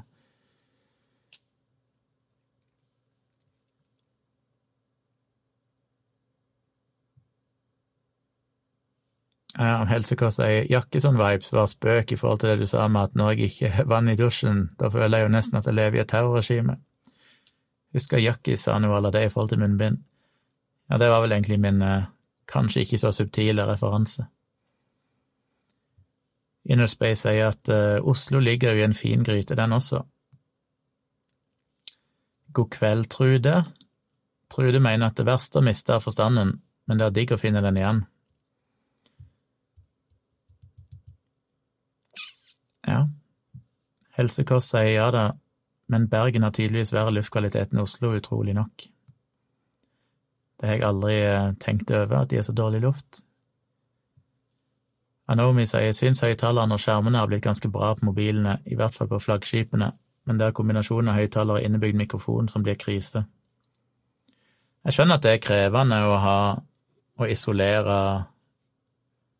blant annet hindre ekko når du har høyttaler og mikrofon så tett innpå hverandre, og i tillegg skal du eliminere lyd andre plasser. Men jeg er fortsatt litt overraska at ikke de har klart det bedre. Og til og med på ganske på flaggskiptelefoner syns jeg fortsatt lyden er sjokkerende crappy, men det er nok kanskje mer telenettet enn det er mobilene. Kanskje mer, mest begrensninger bare i, i overføringskvaliteten. Zepkin er her, han sier han vant mot Tappelino i debatt. Jeg vet egentlig ingenting om Tappelino, jeg bare innbiller meg at han er ganske utrivelig. Lasker Tore spør kjenner du noe til historikeren Sturla Ellingsvåg og konflikten han har havnet i. Nei, det har jeg ikke hørt noe om.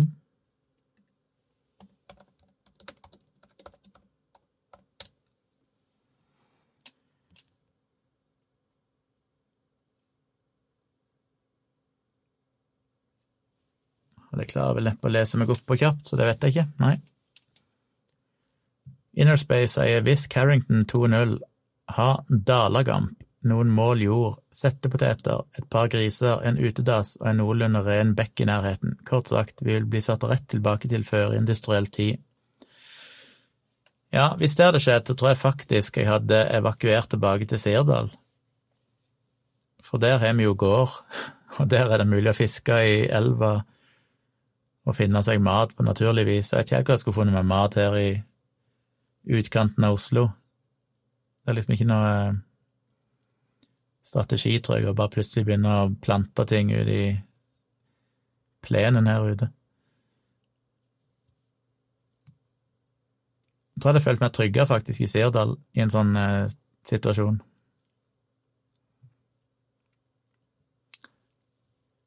I Sirdal er det jo vannkraft, det er jo det Sirdal er rik for. Sirakvina kraftverk. Jeg lurer på om Sirakvina hadde klart å levere strøm lokalt ut på nettet.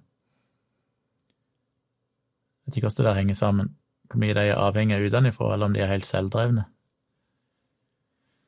Helsekar sier om vi skal ringe en litt lengre samtale, da velger jeg alltid via Facebook Messenger lydsamtale istedenfor via vanlig telefon, telefonnettet, altså krisekvalitet på vanlig telefon i forhold. Ja, det har jeg faktisk aldri tenkt på, for jeg tror jeg lever litt sånn 15 år siden, der jeg husker at når folk ringte meg via nett, sånn type Skype og sånn, så følte jeg det var så crappy lyd. Men jeg har glemt litt vekk av tiden jeg har gått framover, så det kan godt være at det er mye bedre lyd der nå. Jeg har jo på sånn 4G-greie, eh, eller sånn 4G eh, og wifi-ringing som Telenor tilbyr, sånn at jeg snakker i telefonen, og der er wifi, så kan han teknisk sett overføre lyden via nettet heller enn via telenettet. Men jeg er litt usikker på om man gjør det som standard hvis du har wifi, eller om man bare gjør det som en fallback hvis telenettet faller ut, eller du har dårlig dekning. Hadde jo egentlig håpet han brukte datanettet, for jeg vil jo anta de kan servere bedre lyd der.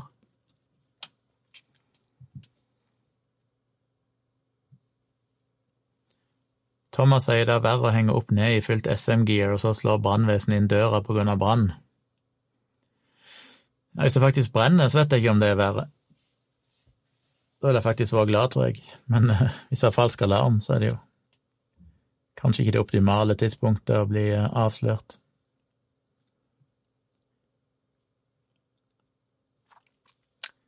Thomas sier enig, GSM-kvalitet er vel bare 8 kilobit per sekund, mens alle andre teletjenester er mye mer.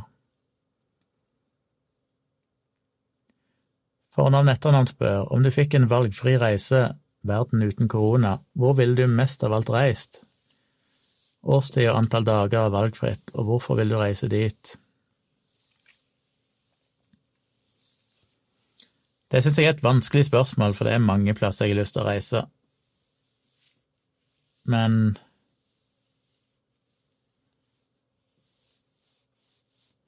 La ikke si det var en reise på Hvis det var en sånn to ukers reise,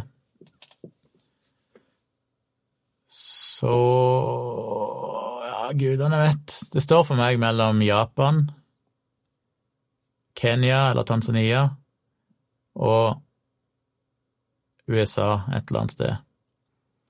Som er litt idiotisk, for selvfølgelig kunne jeg godt tenkt meg å reise til Sør-Amerika, jeg kunne godt tenkt meg å reise til Australia, eh, mange plasser i Europa, jeg syns det er herlig å være. Men akkurat de tre plassene har vært, og alle de tre plassene ga meg liksom noe mer. Det var sånn Australia har jeg aldri vært, så jeg vet ikke helt hva, jeg, hva som venter meg der. Sør-Amerika har jeg ikke vært. Sikkert for fantastisk. Men jeg må liksom velge noe som jeg, jeg vet jeg kjenner fra før, føler jeg. Kanskje det hadde vært litt kjedelig i USA i uh, så lang tid. Ja, det kommer helt an på hva du gjør. Hvis du kjører rundt og reiser rundt, så er det selvfølgelig uendelig mye å se i USA. Men skal jeg være i en by, eksempel i New York, så vet jeg ikke om jeg hadde syntes det var så givende å være der i flere uker. Mens jeg føler det Jeg kunne ha kost meg lenge i Japan, i Tokyo, bare nærområdene rundt Tokyo. Er det såpass mye å se. Og Kenya sånn kan en jo selvfølgelig være lenge, for det er jo bare uendelig fascinerende og deilig. Ulempen med Kenya er at det blir litt mer primitivt igjen.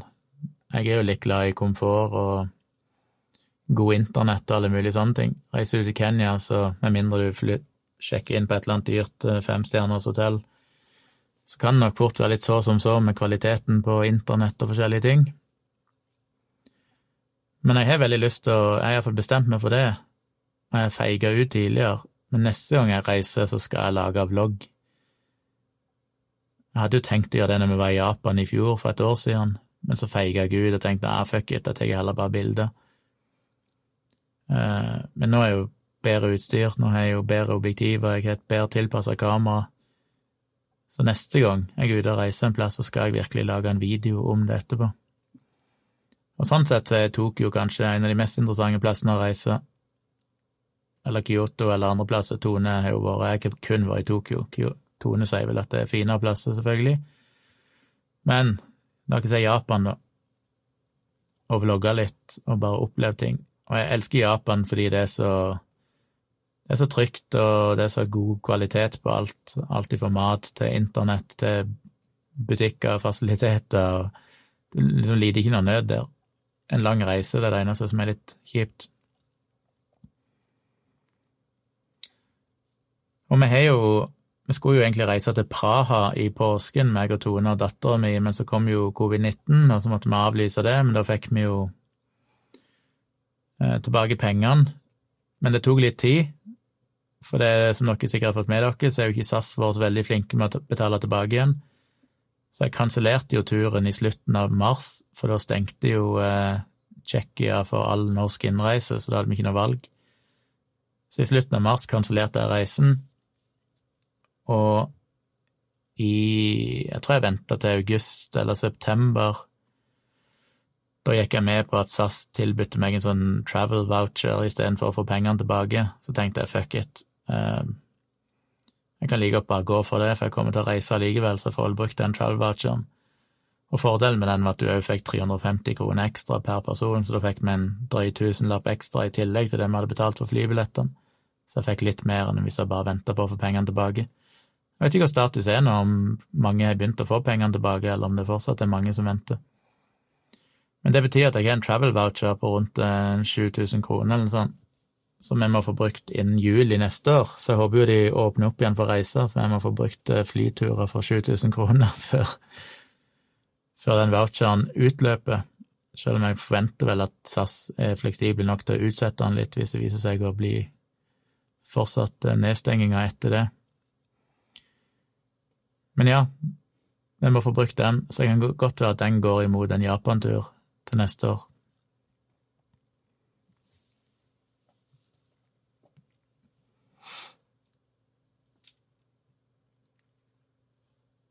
Anomi sier ja, har opplevd at lydkvaliteten blir bedre av å ringe folk via Signal, eller hva man nå måtte bruke.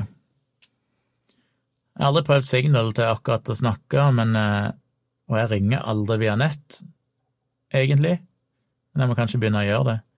Men det er en del andre som ringer meg via Facebook eller WhatsApp, ofte er det WhatsApp. Men jeg har ikke tenkt så mye på akkurat det med lydkvalitet, jeg må tenke litt på det neste gang.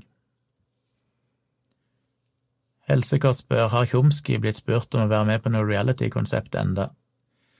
Nei, det har jeg aldri blitt spurt om. Jeg tror ikke det er Jeg tror ikke produsentene der ute sitter og ser på meg og tenker at han hadde vært en underholdende fyr å hatt med.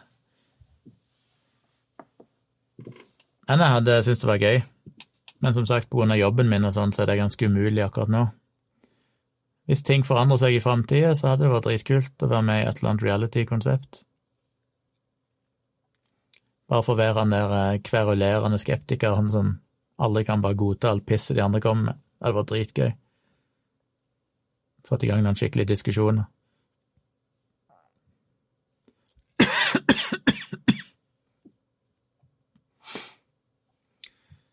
Sid1 sier jeg har blitt så vant med trådløse Bluetooth-headset når jeg bruker telefonen, så å gå tilbake til bare mobillyd er ikke noe gøy, men jeg overlever jo en kort video i nøden.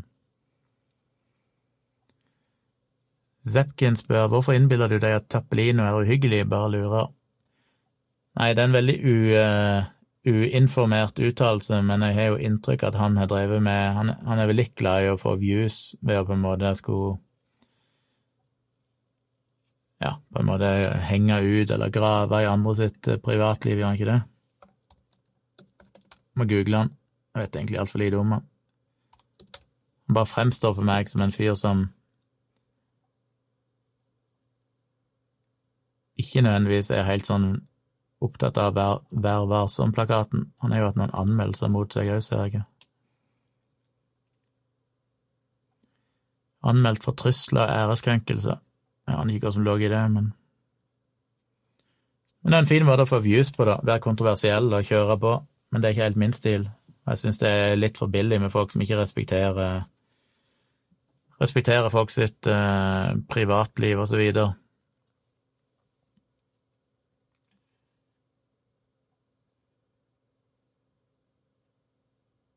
Men dere må gjerne opplyse meg hvis jeg tar helt feil.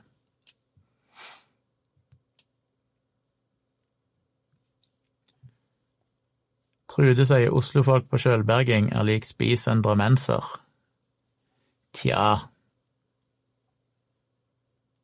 Det var vanskelig for Tone, for hun er veganer. Må finne en eller annen grønnsak. Anomi og protips ved å bruke chat-appene avhengig av appen, selvsagt, er jo at du også kan få end-to-end encryption for lydsamtalene. Ja, jeg så jo at eh, Signal nå nettopp lanserte gruppesamtaler, gruppevideochat, kryptert via Signal. Men jeg tror aldri noensinne jeg har hatt en gruppesamtale, videochat, via mobil noen gang. Ser ikke helt for meg at det er så aktuelt.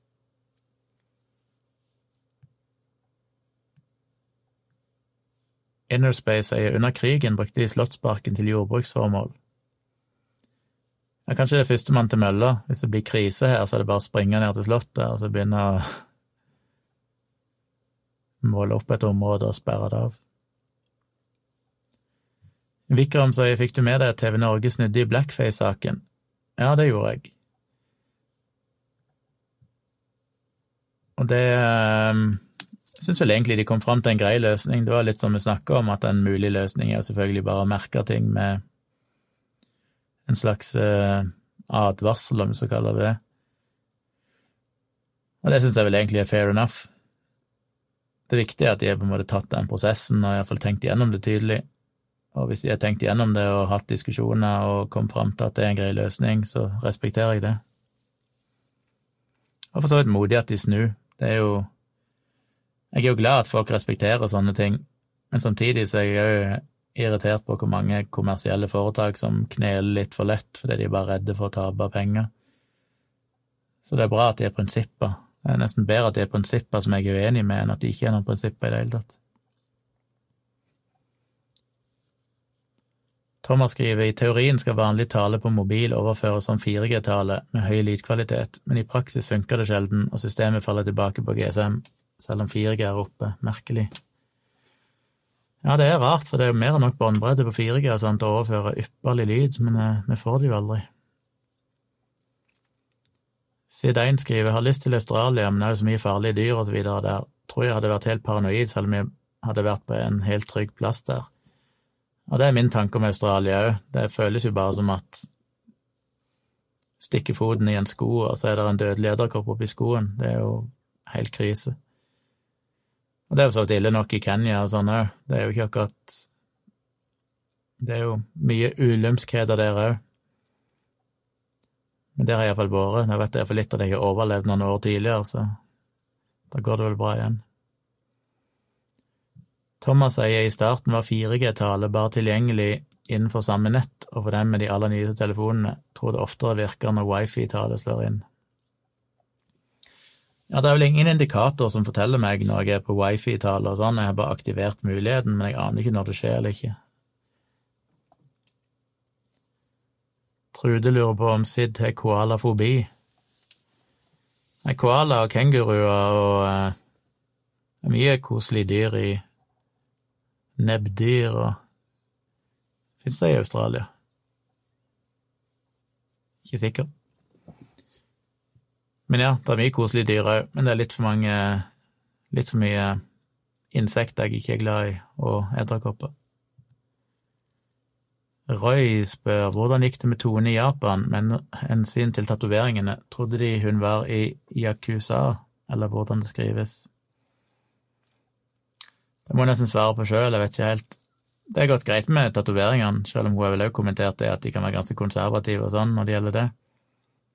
Men jeg tror egentlig det har gått greit, de gangene hun har vært der. Sid1 sier nei, mest slanger. Australia har jo 19 av de 21 farligste slangene, om jeg husker riktig. Så er det jo dyrene i sjøen også, da. Ja, gress. Slanger hadde jeg òg glemt vekk.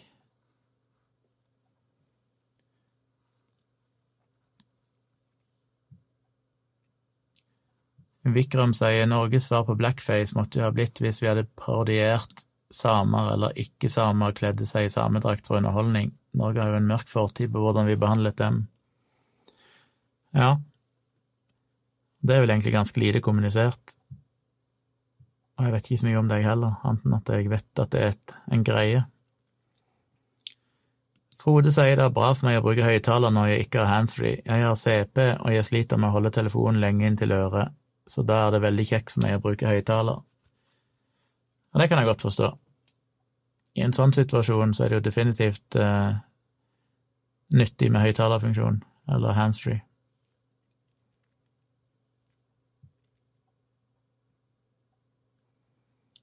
Vikram sier vi fikk faktisk penger ifra Ticket inn på konto i dag, en tur som ble booket i februar til Miami.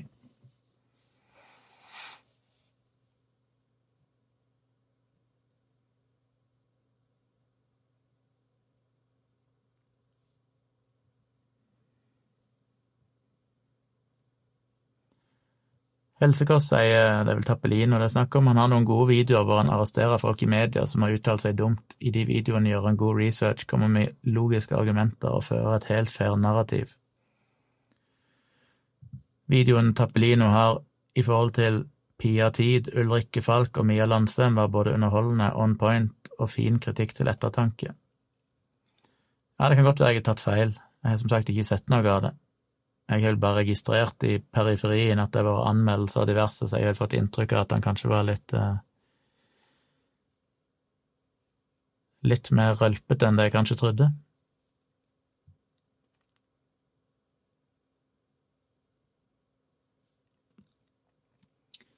Anomi sier du kan bruke PC-appen til Signal for videosamtaler også. Ja, nå har jo jeg Mac, da, jeg vet ikke forskjellen på eventuelt Windows-appen til Signal og Mac-appen, men jeg må si den Mac-appen til Signal er ganske bedriten. Den er virkelig så simpel som det går an å få den. Skulle ønske de hadde lagt litt mer arbeid og få en litt mer fancy app. Men den duger jo til basics. Jeg har aldri testa noe videoringing over den.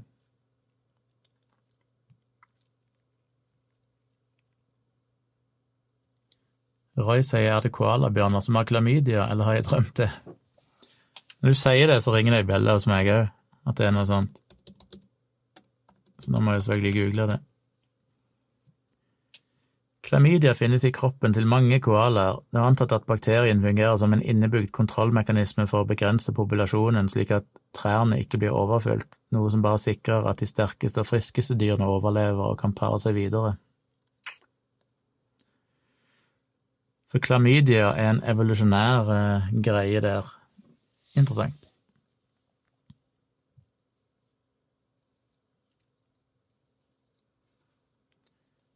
Innerspace sier at YouTuber Hans Wormhatt er overbevist om at er, koalas er fake. Ja, hvorfor ikke? Det kan jo være at alle bildene er manipulert, at vi aldri har sett de. Det er jo en Twitter-konto vel som heter Hester fins ikke, som er ganske morsom. Som bare handler om at hester ikke fins.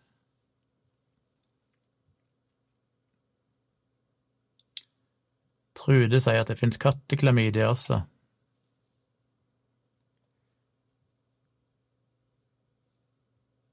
Dødskvad sier jeg fikk nettopp lest ferdig boken din Placebo-defekten, og jeg kom til å stusse over litteraturlisten din da den inneholdt mye kilder fra Wikipedia. Er vel nærmest angstfremkallende for en akademiker. Jeg husker ikke litteraturlista sjøl. Det eneste som irriterte meg, var at vi aldri hadde tid og ressurser til å lage en skikkelig litteraturliste, så det ble jo bare en sånn basically en lenkeliste. Eh, så lagde jeg en eh, webversjon som ligger på nett. Hvis du går inn på tjomli.com slash placebo-defekten, så finner du klikkbare lenker til alt, men det er sikkert en del av de nå som er daua, som ikke er aktive lenger. Men akkurat det med Wikipedia er jo en stor diskusjon.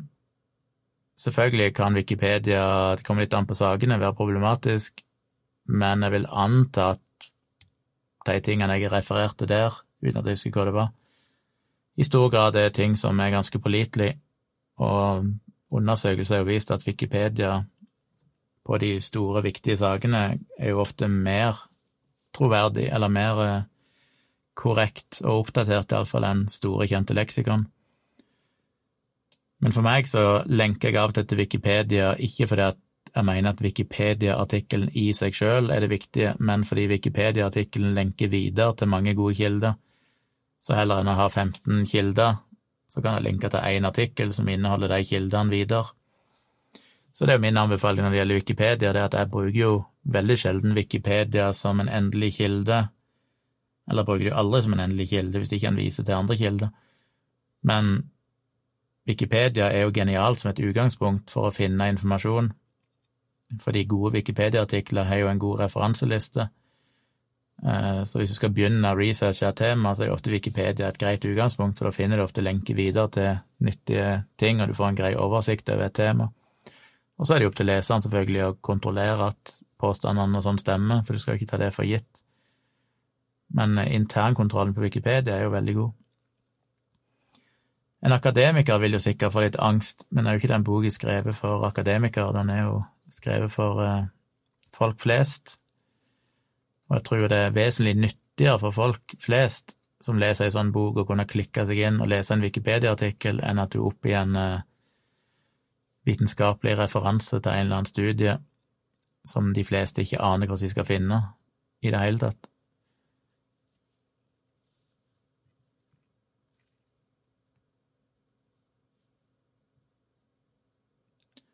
Anomi skal legge seg for å prøve å fikse døgnrytmen. God natt, Anomi. Fornavn sier du med dialekt, sier du hvit eller hvit eggeplomme? Jeg sier kvid, med, med en eh, beløt konsulant på slutten. Hvit eggeplomme. Bortsett fra at jeg aldri sier det, da. Spørsmålet blir heller om du sier hvitost eller gulost, for en gul eggeplomme er alle enige om er gul, men er en ost hvit eller er den gul? Jeg har alltid kalt det for gulost, og jeg blir sjokkert når folk kaller det for hvitost.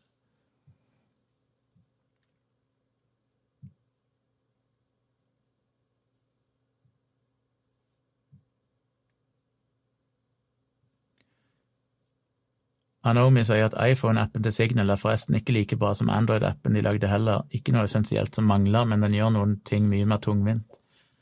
Ja, eh, appen er jo heller ikke superbra på iPhone som er litt synd. WhatsApp føles jo mye mer polert og behagelig å bruke, Men jeg har jo egentlig lyst til å bruke Signal til mer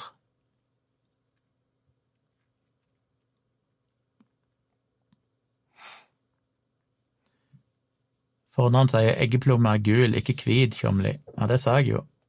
Men spørsmålet er jo fortsatt om jeg sier hvit eller hvit eggeplomme, og det er et uttrykk som det går an å si uavhengig av realitetene.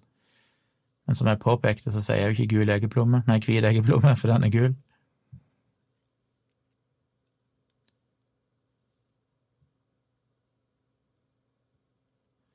Dødskvad sier boken var definitivt verdt å lese, har lånt den bort og skaffet en ny fan. Det er jo hyggelig. Jeg sa jo veldig lenge at jeg har jo aldri lest boka sjøl, men det kan jeg ikke si lenger, for jeg leste den jo inn som lydbok her i tidligere i år, så jeg har jo faktisk lest boken nå for første gang, sju år etter jeg skrev den. Jeg var litt nervøs, for at uh, når jeg satt og jobba med det manuset, så husker jeg jo at helt fram til siste, altså nesten rett før han skulle i trykken, så satt jeg jo fortsatt og omstrukturerte kapitlene og plutselig klipte tre sider vekk, og så flytta det et helt annet sted i boken, for jeg fant ut det passa en annen plass, og så prøvde jeg å skrive inn litt mer flytende overganger for å binde det sammen. Og så fikk jeg litt panikk etterpå, at når boka gikk i trykken, så hadde jeg aldri lest den i sin sammenheng, så jeg var litt usikker på jeez, tenk om jeg bare kopiert noe helt feil, eller flytta noe et sted der det ikke er noen sammenheng. Og det er så fort gjort i sånne bøker, for at du forklarer jo konseptet, eller du nevner ting ett sted i boka, og så snakker du om det seinere i boka. Men hvis du da flytter dette til etterpå, sånn at rekkefølgen blir feil, så begynner du kanskje å snakke om noe før du har forklart hva det er, for det kommer plutselig seinere. Og det er jo så mange ting i ei bok som dette, som er på nesten 450 sider. Eh, er ikke det? Jeg tror den er 444 sider med tekst, og så kommer der noen sider med kildeanvisninger. Og eh, ja, det er ufattelig vanskelig, og det er så skummelt etterpå å tenke på shit, har jeg, har jeg virkelig fått alt i rett rekkefølge? Har jeg forklart ting før jeg begynner å fortelle, bruke det seinere? Og det er fort gjort å brenne seg når du driver og flytter rundt på avsnitt og kapitler, sånn, sånn som jeg gjorde. Men jeg leste bok igjen nå i, tilbake i mars-april, eller hvor tid det var, mai, en eller annen gang, juni kanskje så merka jeg iallfall ikke at det var noen sånn grove, usammenhengende greier. Jeg tror jeg stort sett hadde klart å holde tunga rett i munnen, så ikke fått noen klager på det, iallfall. Roy sier hvitost, og gul finnes jo i grunnen ikke. Gul finnes jo, han finnes bare ikke i dataskjermen din.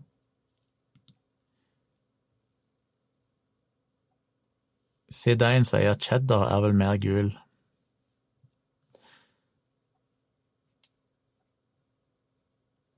Ja. Um, jeg vil fortsatt si at eh, gulosten er gul.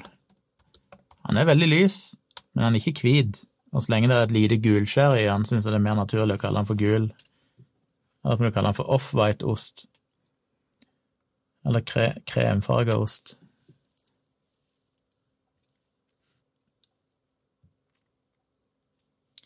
Dødskvad sier hadde vært gøy med noen book reviews til YouTube-kanalen din også, kanskje. Ja, hvis jeg hadde vært flinkere til å lese. Jeg kunne gjort det for noen år siden, for da, hadde, da leste jeg mye, og jeg har lest veldig mange interessante bøker som jeg gjerne skulle ha snakka om, men det begynner å bli så lenge siden nå at jeg føler ikke jeg kan uh...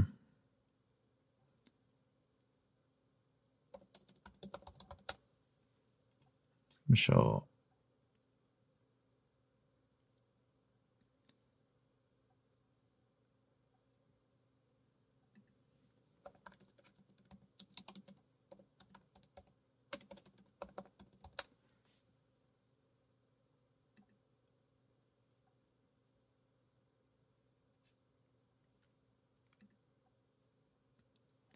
Her lagde jeg en sånn webbasert bokhylle en gang i tida. Som ligger på tjomli.com slash delicious library, for det er et program jeg brukte som heter Delicious Library, der du kunne skanne inn strekkoden eller skrive inn ISBN-nummer og sånn til bøker, så fant han automatisk bøkene, og så kunne du organisere det i sånne bokhyller. Så hvis dere sjekker ut den, hvis dere vil ha tips til godt lesestoff, så er dette bøker jeg har lest i gamle dager. Og det er jo basically store deler av kilden til min eh, skeptisisme og interesse for dette. Dette er vel bare sakprosa, det er ikke noen romaner og sånn, ja. Tror jeg. Og jeg har ikke lest alle bøkene, jeg har lest de aller fleste, men det er vel noen her jeg ikke har lest enten helt ferdig eller ikke engang har begynt på, men jeg hadde kjøpt de. Jeg vet ikke om jeg har lest de ettertid heller. Men de fleste bøkene her har jeg lest. Hvis ikke dere finner adressen, som er Delicious Library, så kan dere bare google Tjomli eh, bokhylle, så finner dere en bloggpost, tror jeg, der jeg skrev om det, og der finner du en link videre til denne bokhylla. Det er den eneste plassen han er lenka opp, for jeg har ikke lenka den opp i noen menyer eller sånn, det er egentlig ikke ei offentlig side. Sist jeg oppdaterte den, var 18. juli 2011, fire dager før den grusomme dagen. Så det er nesten ti år siden jeg oppdaterte denne bokhylla. Men det er veldig gode bøker, så ta gjerne en kikk på den hvis dere vil ha inspirasjon til interessant lesestoff, og kanskje vil ha et lite inntrykk av hva jeg har lest opp gjennom årene, i den tida jeg fortsatt var aktiv på å lese.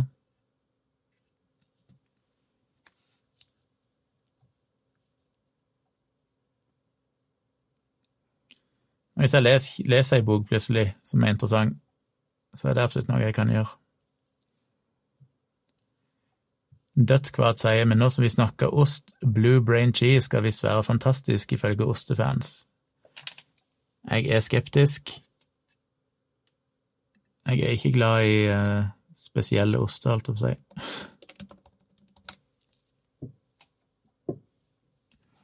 Oh, Jesus. Jeg tror jeg kan si med 99,5 sikkerhet at jeg ikke ville likt den osten. Den så ganske drøy ut.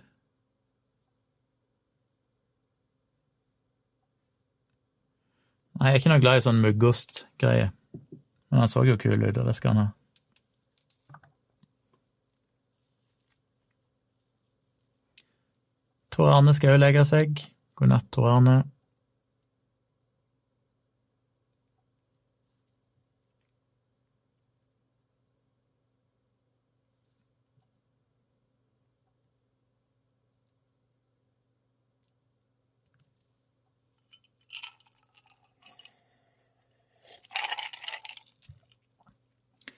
Zepkin mener at det er fullt mulig å se forskjell på britisk og norsk DNA, man kan til og med se forskjell på østlendinger og vestlendinger ut fra DNA.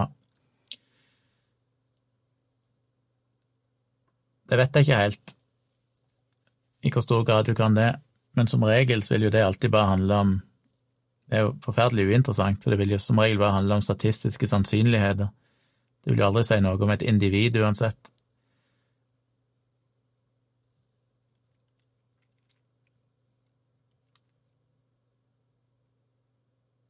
Jeg tviler på, du kan, tviler på du kan si noe om en person basert på akkurat det, og da ser jeg ikke helt interessen av det.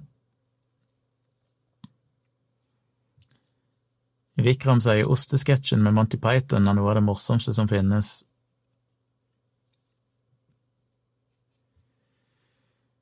Sepkin insisterer på at nordmenn er en etnisitet, det går ikke an å egentlig snakke om etnisitet utenom, uten å på en måte begrense et tidsområde, for det, det kommer jo alt an på hvor langt bak du vil gå. Hvis du går for langt fram, så er det sannsynlig såpass utvanna at det er vanskelig, å gå for langt bak, så er vi ikke lenger Da kommer vi jo fra et annet sted. Så hvilket tidspunkt i historien vil du si du kan erklære noe for å være en etnisitet?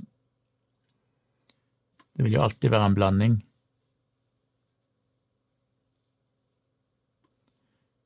Frode skriver det er artig at du oppdaterte bokhylla di på bursdagen min.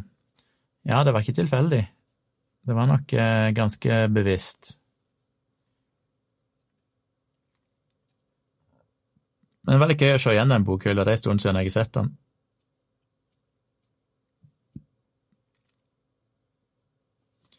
Fikk nesten lyst til å lese en del av de bøkene på nytt. Men er tilbake til ostesketsjen til Vikram. Den husker jeg heller ikke i farten. Roy spør hvilken av filmene kan jeg ikke huske å ha sett.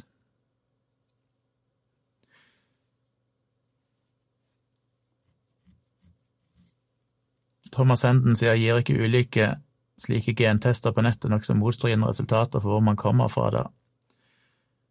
Jo, jeg tror nok at Sepkin er litt på jordet når det gjelder hvor spesifikke sånne genetiske tester er, for at de genetiske testene du får gjort på nett, eh, gir jo bare en antydning, sånn cirka, hvor det genetiske opphav kommer ifra, og det kan være ganske motstridende og ganske variert. Jeg gjorde jo en sånn jeg sjøl for en 15 år siden, da tror jeg det var National Geographic eller noe sånt. Vi abonnerte vel på National Geographic, som vi så en reklame, og så bestilte jeg det. Som jo kanskje ikke er så lurt etter ettertid, men da var det nå før eh, det ble en sak. Og da husker jeg òg jeg fikk tilsendt sånn kart der de viste på en måte hvor jeg hvor mitt opphav var ifra. Det var ikke så veldig interessant. Det var liksom Ja, det var litt rundt forbi. Men igjen så er det sånn, hvis det er det beste de kan gjøre, så er jeg litt usikker på hvor spesifikke de klarer å være. Vikram sier 'søk etter Monty Python Cheese Shop på YouTube'. Jeg får gjøre det etterpå.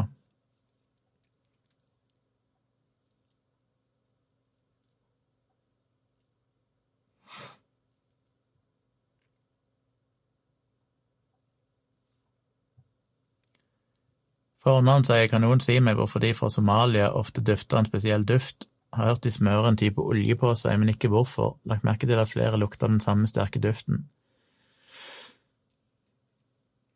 Jeg sier ikke folk fra eh, Asia og Afrika at nordmenn eller europeere òg lukter annerledes, eller det er bare en myte? Nei, jeg vet ikke, jeg husker jo når jeg bodde i Kenya, så var jeg òg alltid fascinert av at de, de, smører seg veldig mye med noe sånn oljegreie, og vaselin er en veldig stor ting i Kenya. Vaselin er jo en ting du nesten aldri tenker på her i Norge, føler jeg, men der var det så mye reklame for Vaseline eh, som de brukte til å smøre på huden sin og alt. Det virker som de er veldig opptatt av å smøre huden sin veldig, så det kan jo være noe av det som har en spesiell lukt. Og så er det en kombinasjon av alt eh, mat og lukta de har i huset, og kunstig lukta de tar på seg, og det er mye med kultur og tradisjoner å gjøre.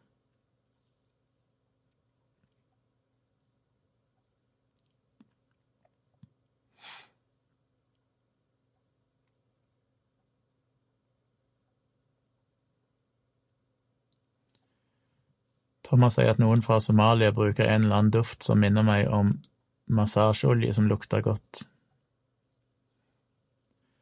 Ja, det er jo sannsynligvis forskjellige tradisjoner for hva vi syns lukter godt. Men eh, som sagt, jeg husker fra Kenya at eh, kenyaneren var veldig opptatt av å smøre seg. Jeg vet ikke om det er fordi de er utsatt for mye sterk sol og tørr luft og Eller hva det er. Jeg blir alltid fascinert av det, for på TV så var det bare vaselinreklame hele dagen lang. Dødsskvad bruker Hugo Boss. Det gjorde jeg òg da jeg var 18. Hø-hø.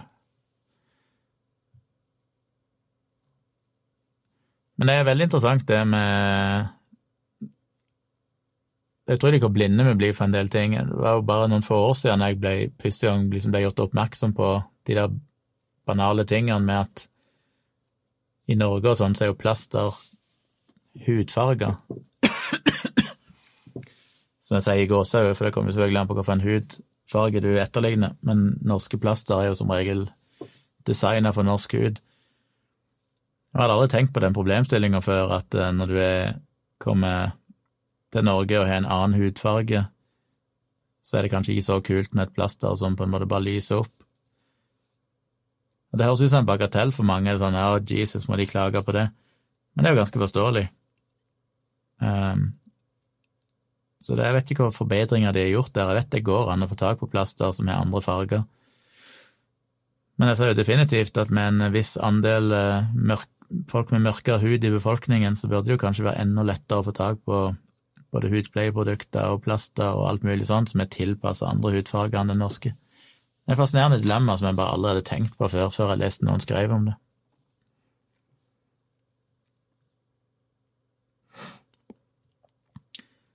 Sepkin spør Jeg lurer på hvilken etnisitet jeg er, for jeg er halvt engelsk og halvt norsk. Betyr det at jeg er halvt engelsk og halvt norsk? Eller er jeg norsk etnisitet, eller er jeg engelsk?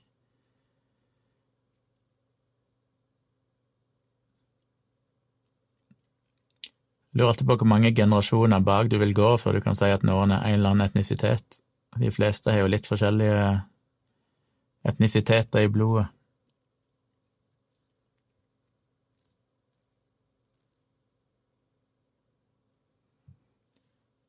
Trude skriver at europeere og asiater har mer neandertal-DNA enn afrikanere flest, og så har Denovishula i Sør-Sibir gitt enda en menneskeart som vi kan bære gener fra, særlig mennesker i Sør-Kina-havet. C1 liker plaster med tegneseriefigurer på. Jeg savner de dagene der eh, dattera mi var opptatt av Hello Kitty-plaster og sånn. Det var mye placeboeffekt i å ha de rette plasterne. Hvis er hadde plaster med Hello Kitty, så tror jeg det hjalp litt mer enn de vanlige, kjedelige, ensfarga plasterne.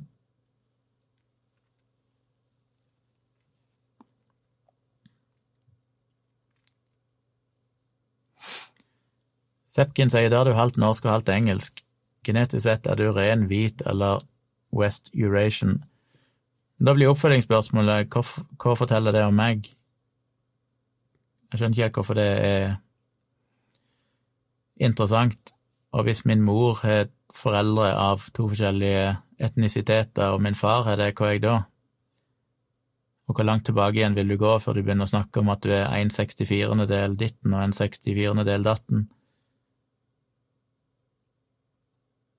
Det blir ganske meningsløst. Du må på en måte trekke ei grense og si ok, vi går bare én generasjon tilbake, eller vi går ti generasjoner tilbake, men går du ti generasjoner tilbake, så er det jo ingen som er Da er jo alle nesten alt. Så det blir en veldig kunstig inndeling. Så forteller det jo ingenting om folk, og jeg tror ikke det finnes noen som kan definitivt finne Jeg tror det skal være godt gjort hvis du klarer å finne en spesifikk etnisitet til noen basert på genetisk testing.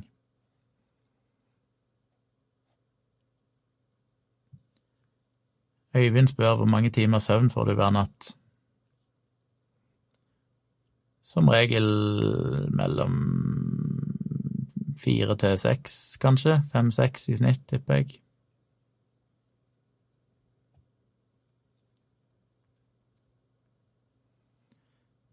Sepkin sier nei, men da spør du hvorfor folk er interessert i det.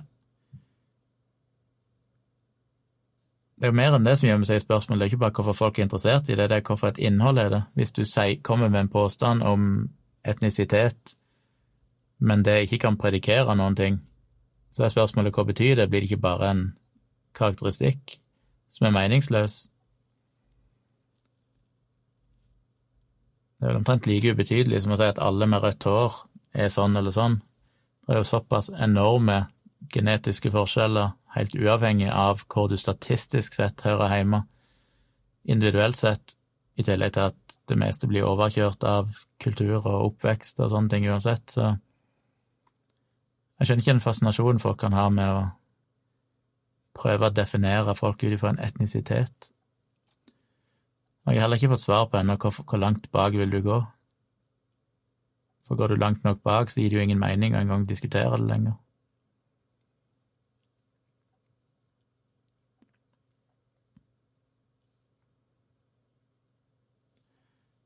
Naomi sier jeg hadde streamen bare på i bakgrunnen, men det er ikke lov, Naomi, du skal jo legge deg og sove og fiksa døgnrytmen.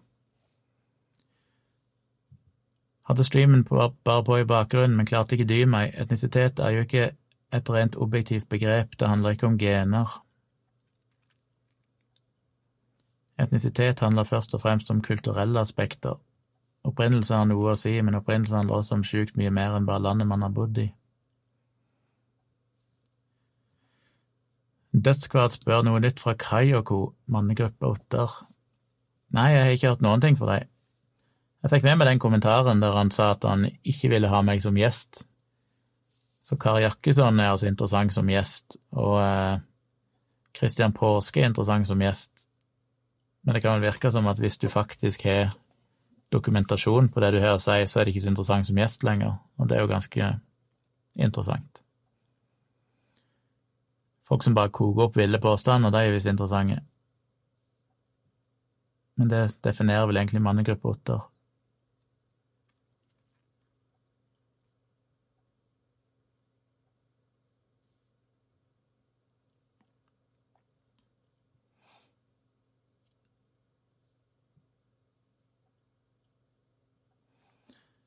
Sepkin er veldig opptatt av etnisitet, men jeg savner fortsatt svar på hvorfor det er viktig. Hva mener han etnisitet betyr for noe?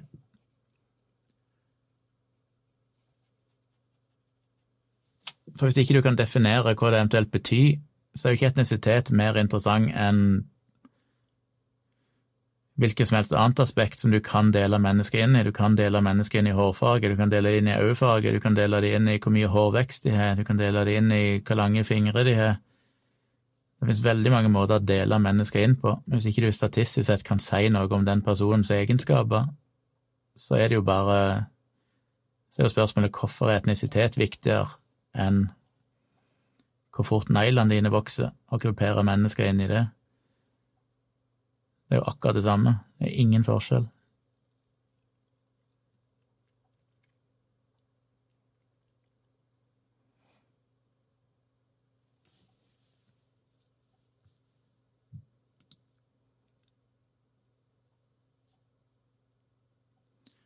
Sepkin sier sier ikke det er viktig.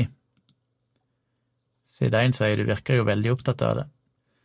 Nei, men helt uavhengig av om det er viktig eller ikke, så må du kunne forklare hva du mener med etnisitet. Altså, hvorfor er det en inndeling som gir mer mening, eller er mer interessant, eller har noen mer nytteverdi enn alle de tusenvis av andre måtene du kan velge å klassifisere folk på?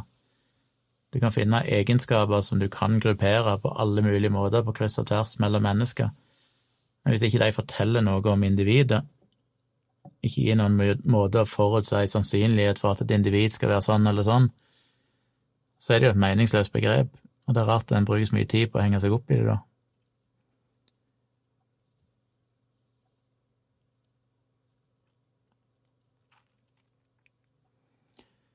Sepkin sier nei, jeg ville bare si Trude tar feil når hun sier at nordmenn genetisk ikke eksisterer.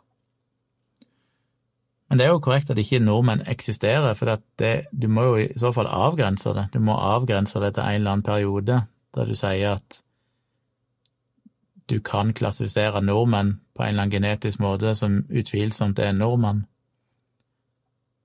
Og det klarer ikke jeg å skjønne hvordan du kan, for hva, hva betyr det? Da ikke jeg er nordmann, da?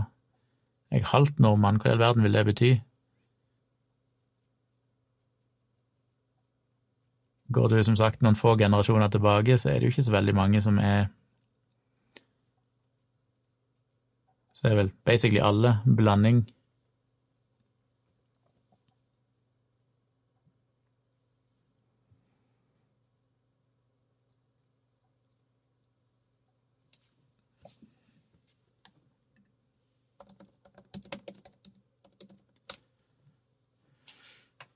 Uh, uh, uh,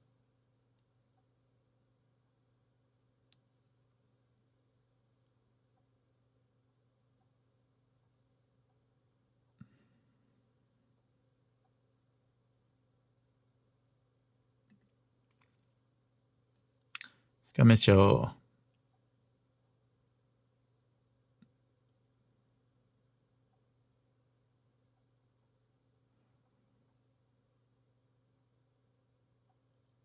Ja, vi leser mer om det etterpå.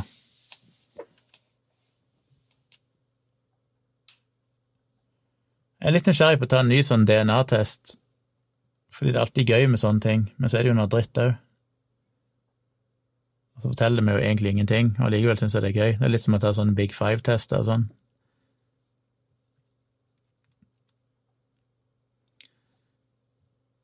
Sepkin sier ja, det er fullt mulig å klassifisere nordmenn.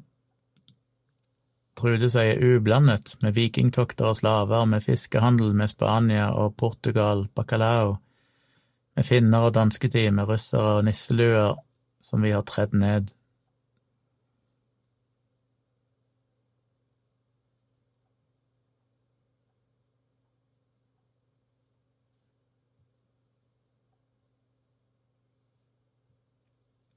Nå skal Naomi legge seg igjen.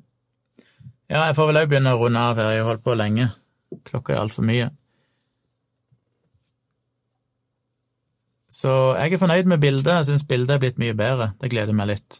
Nå trenger jeg bare nye kabler, og så gleder jeg meg til å lage neste video her, så jeg kan få filme i litt bedre kvalitet.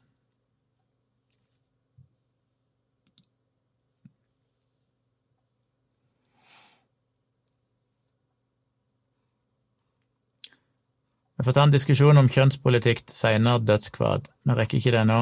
Vi snakka mye om det i dialogisk tidligere, men uh, det er en interessant diskusjon som jeg gjerne kan ta seinere gang, hvis noen minner meg på det.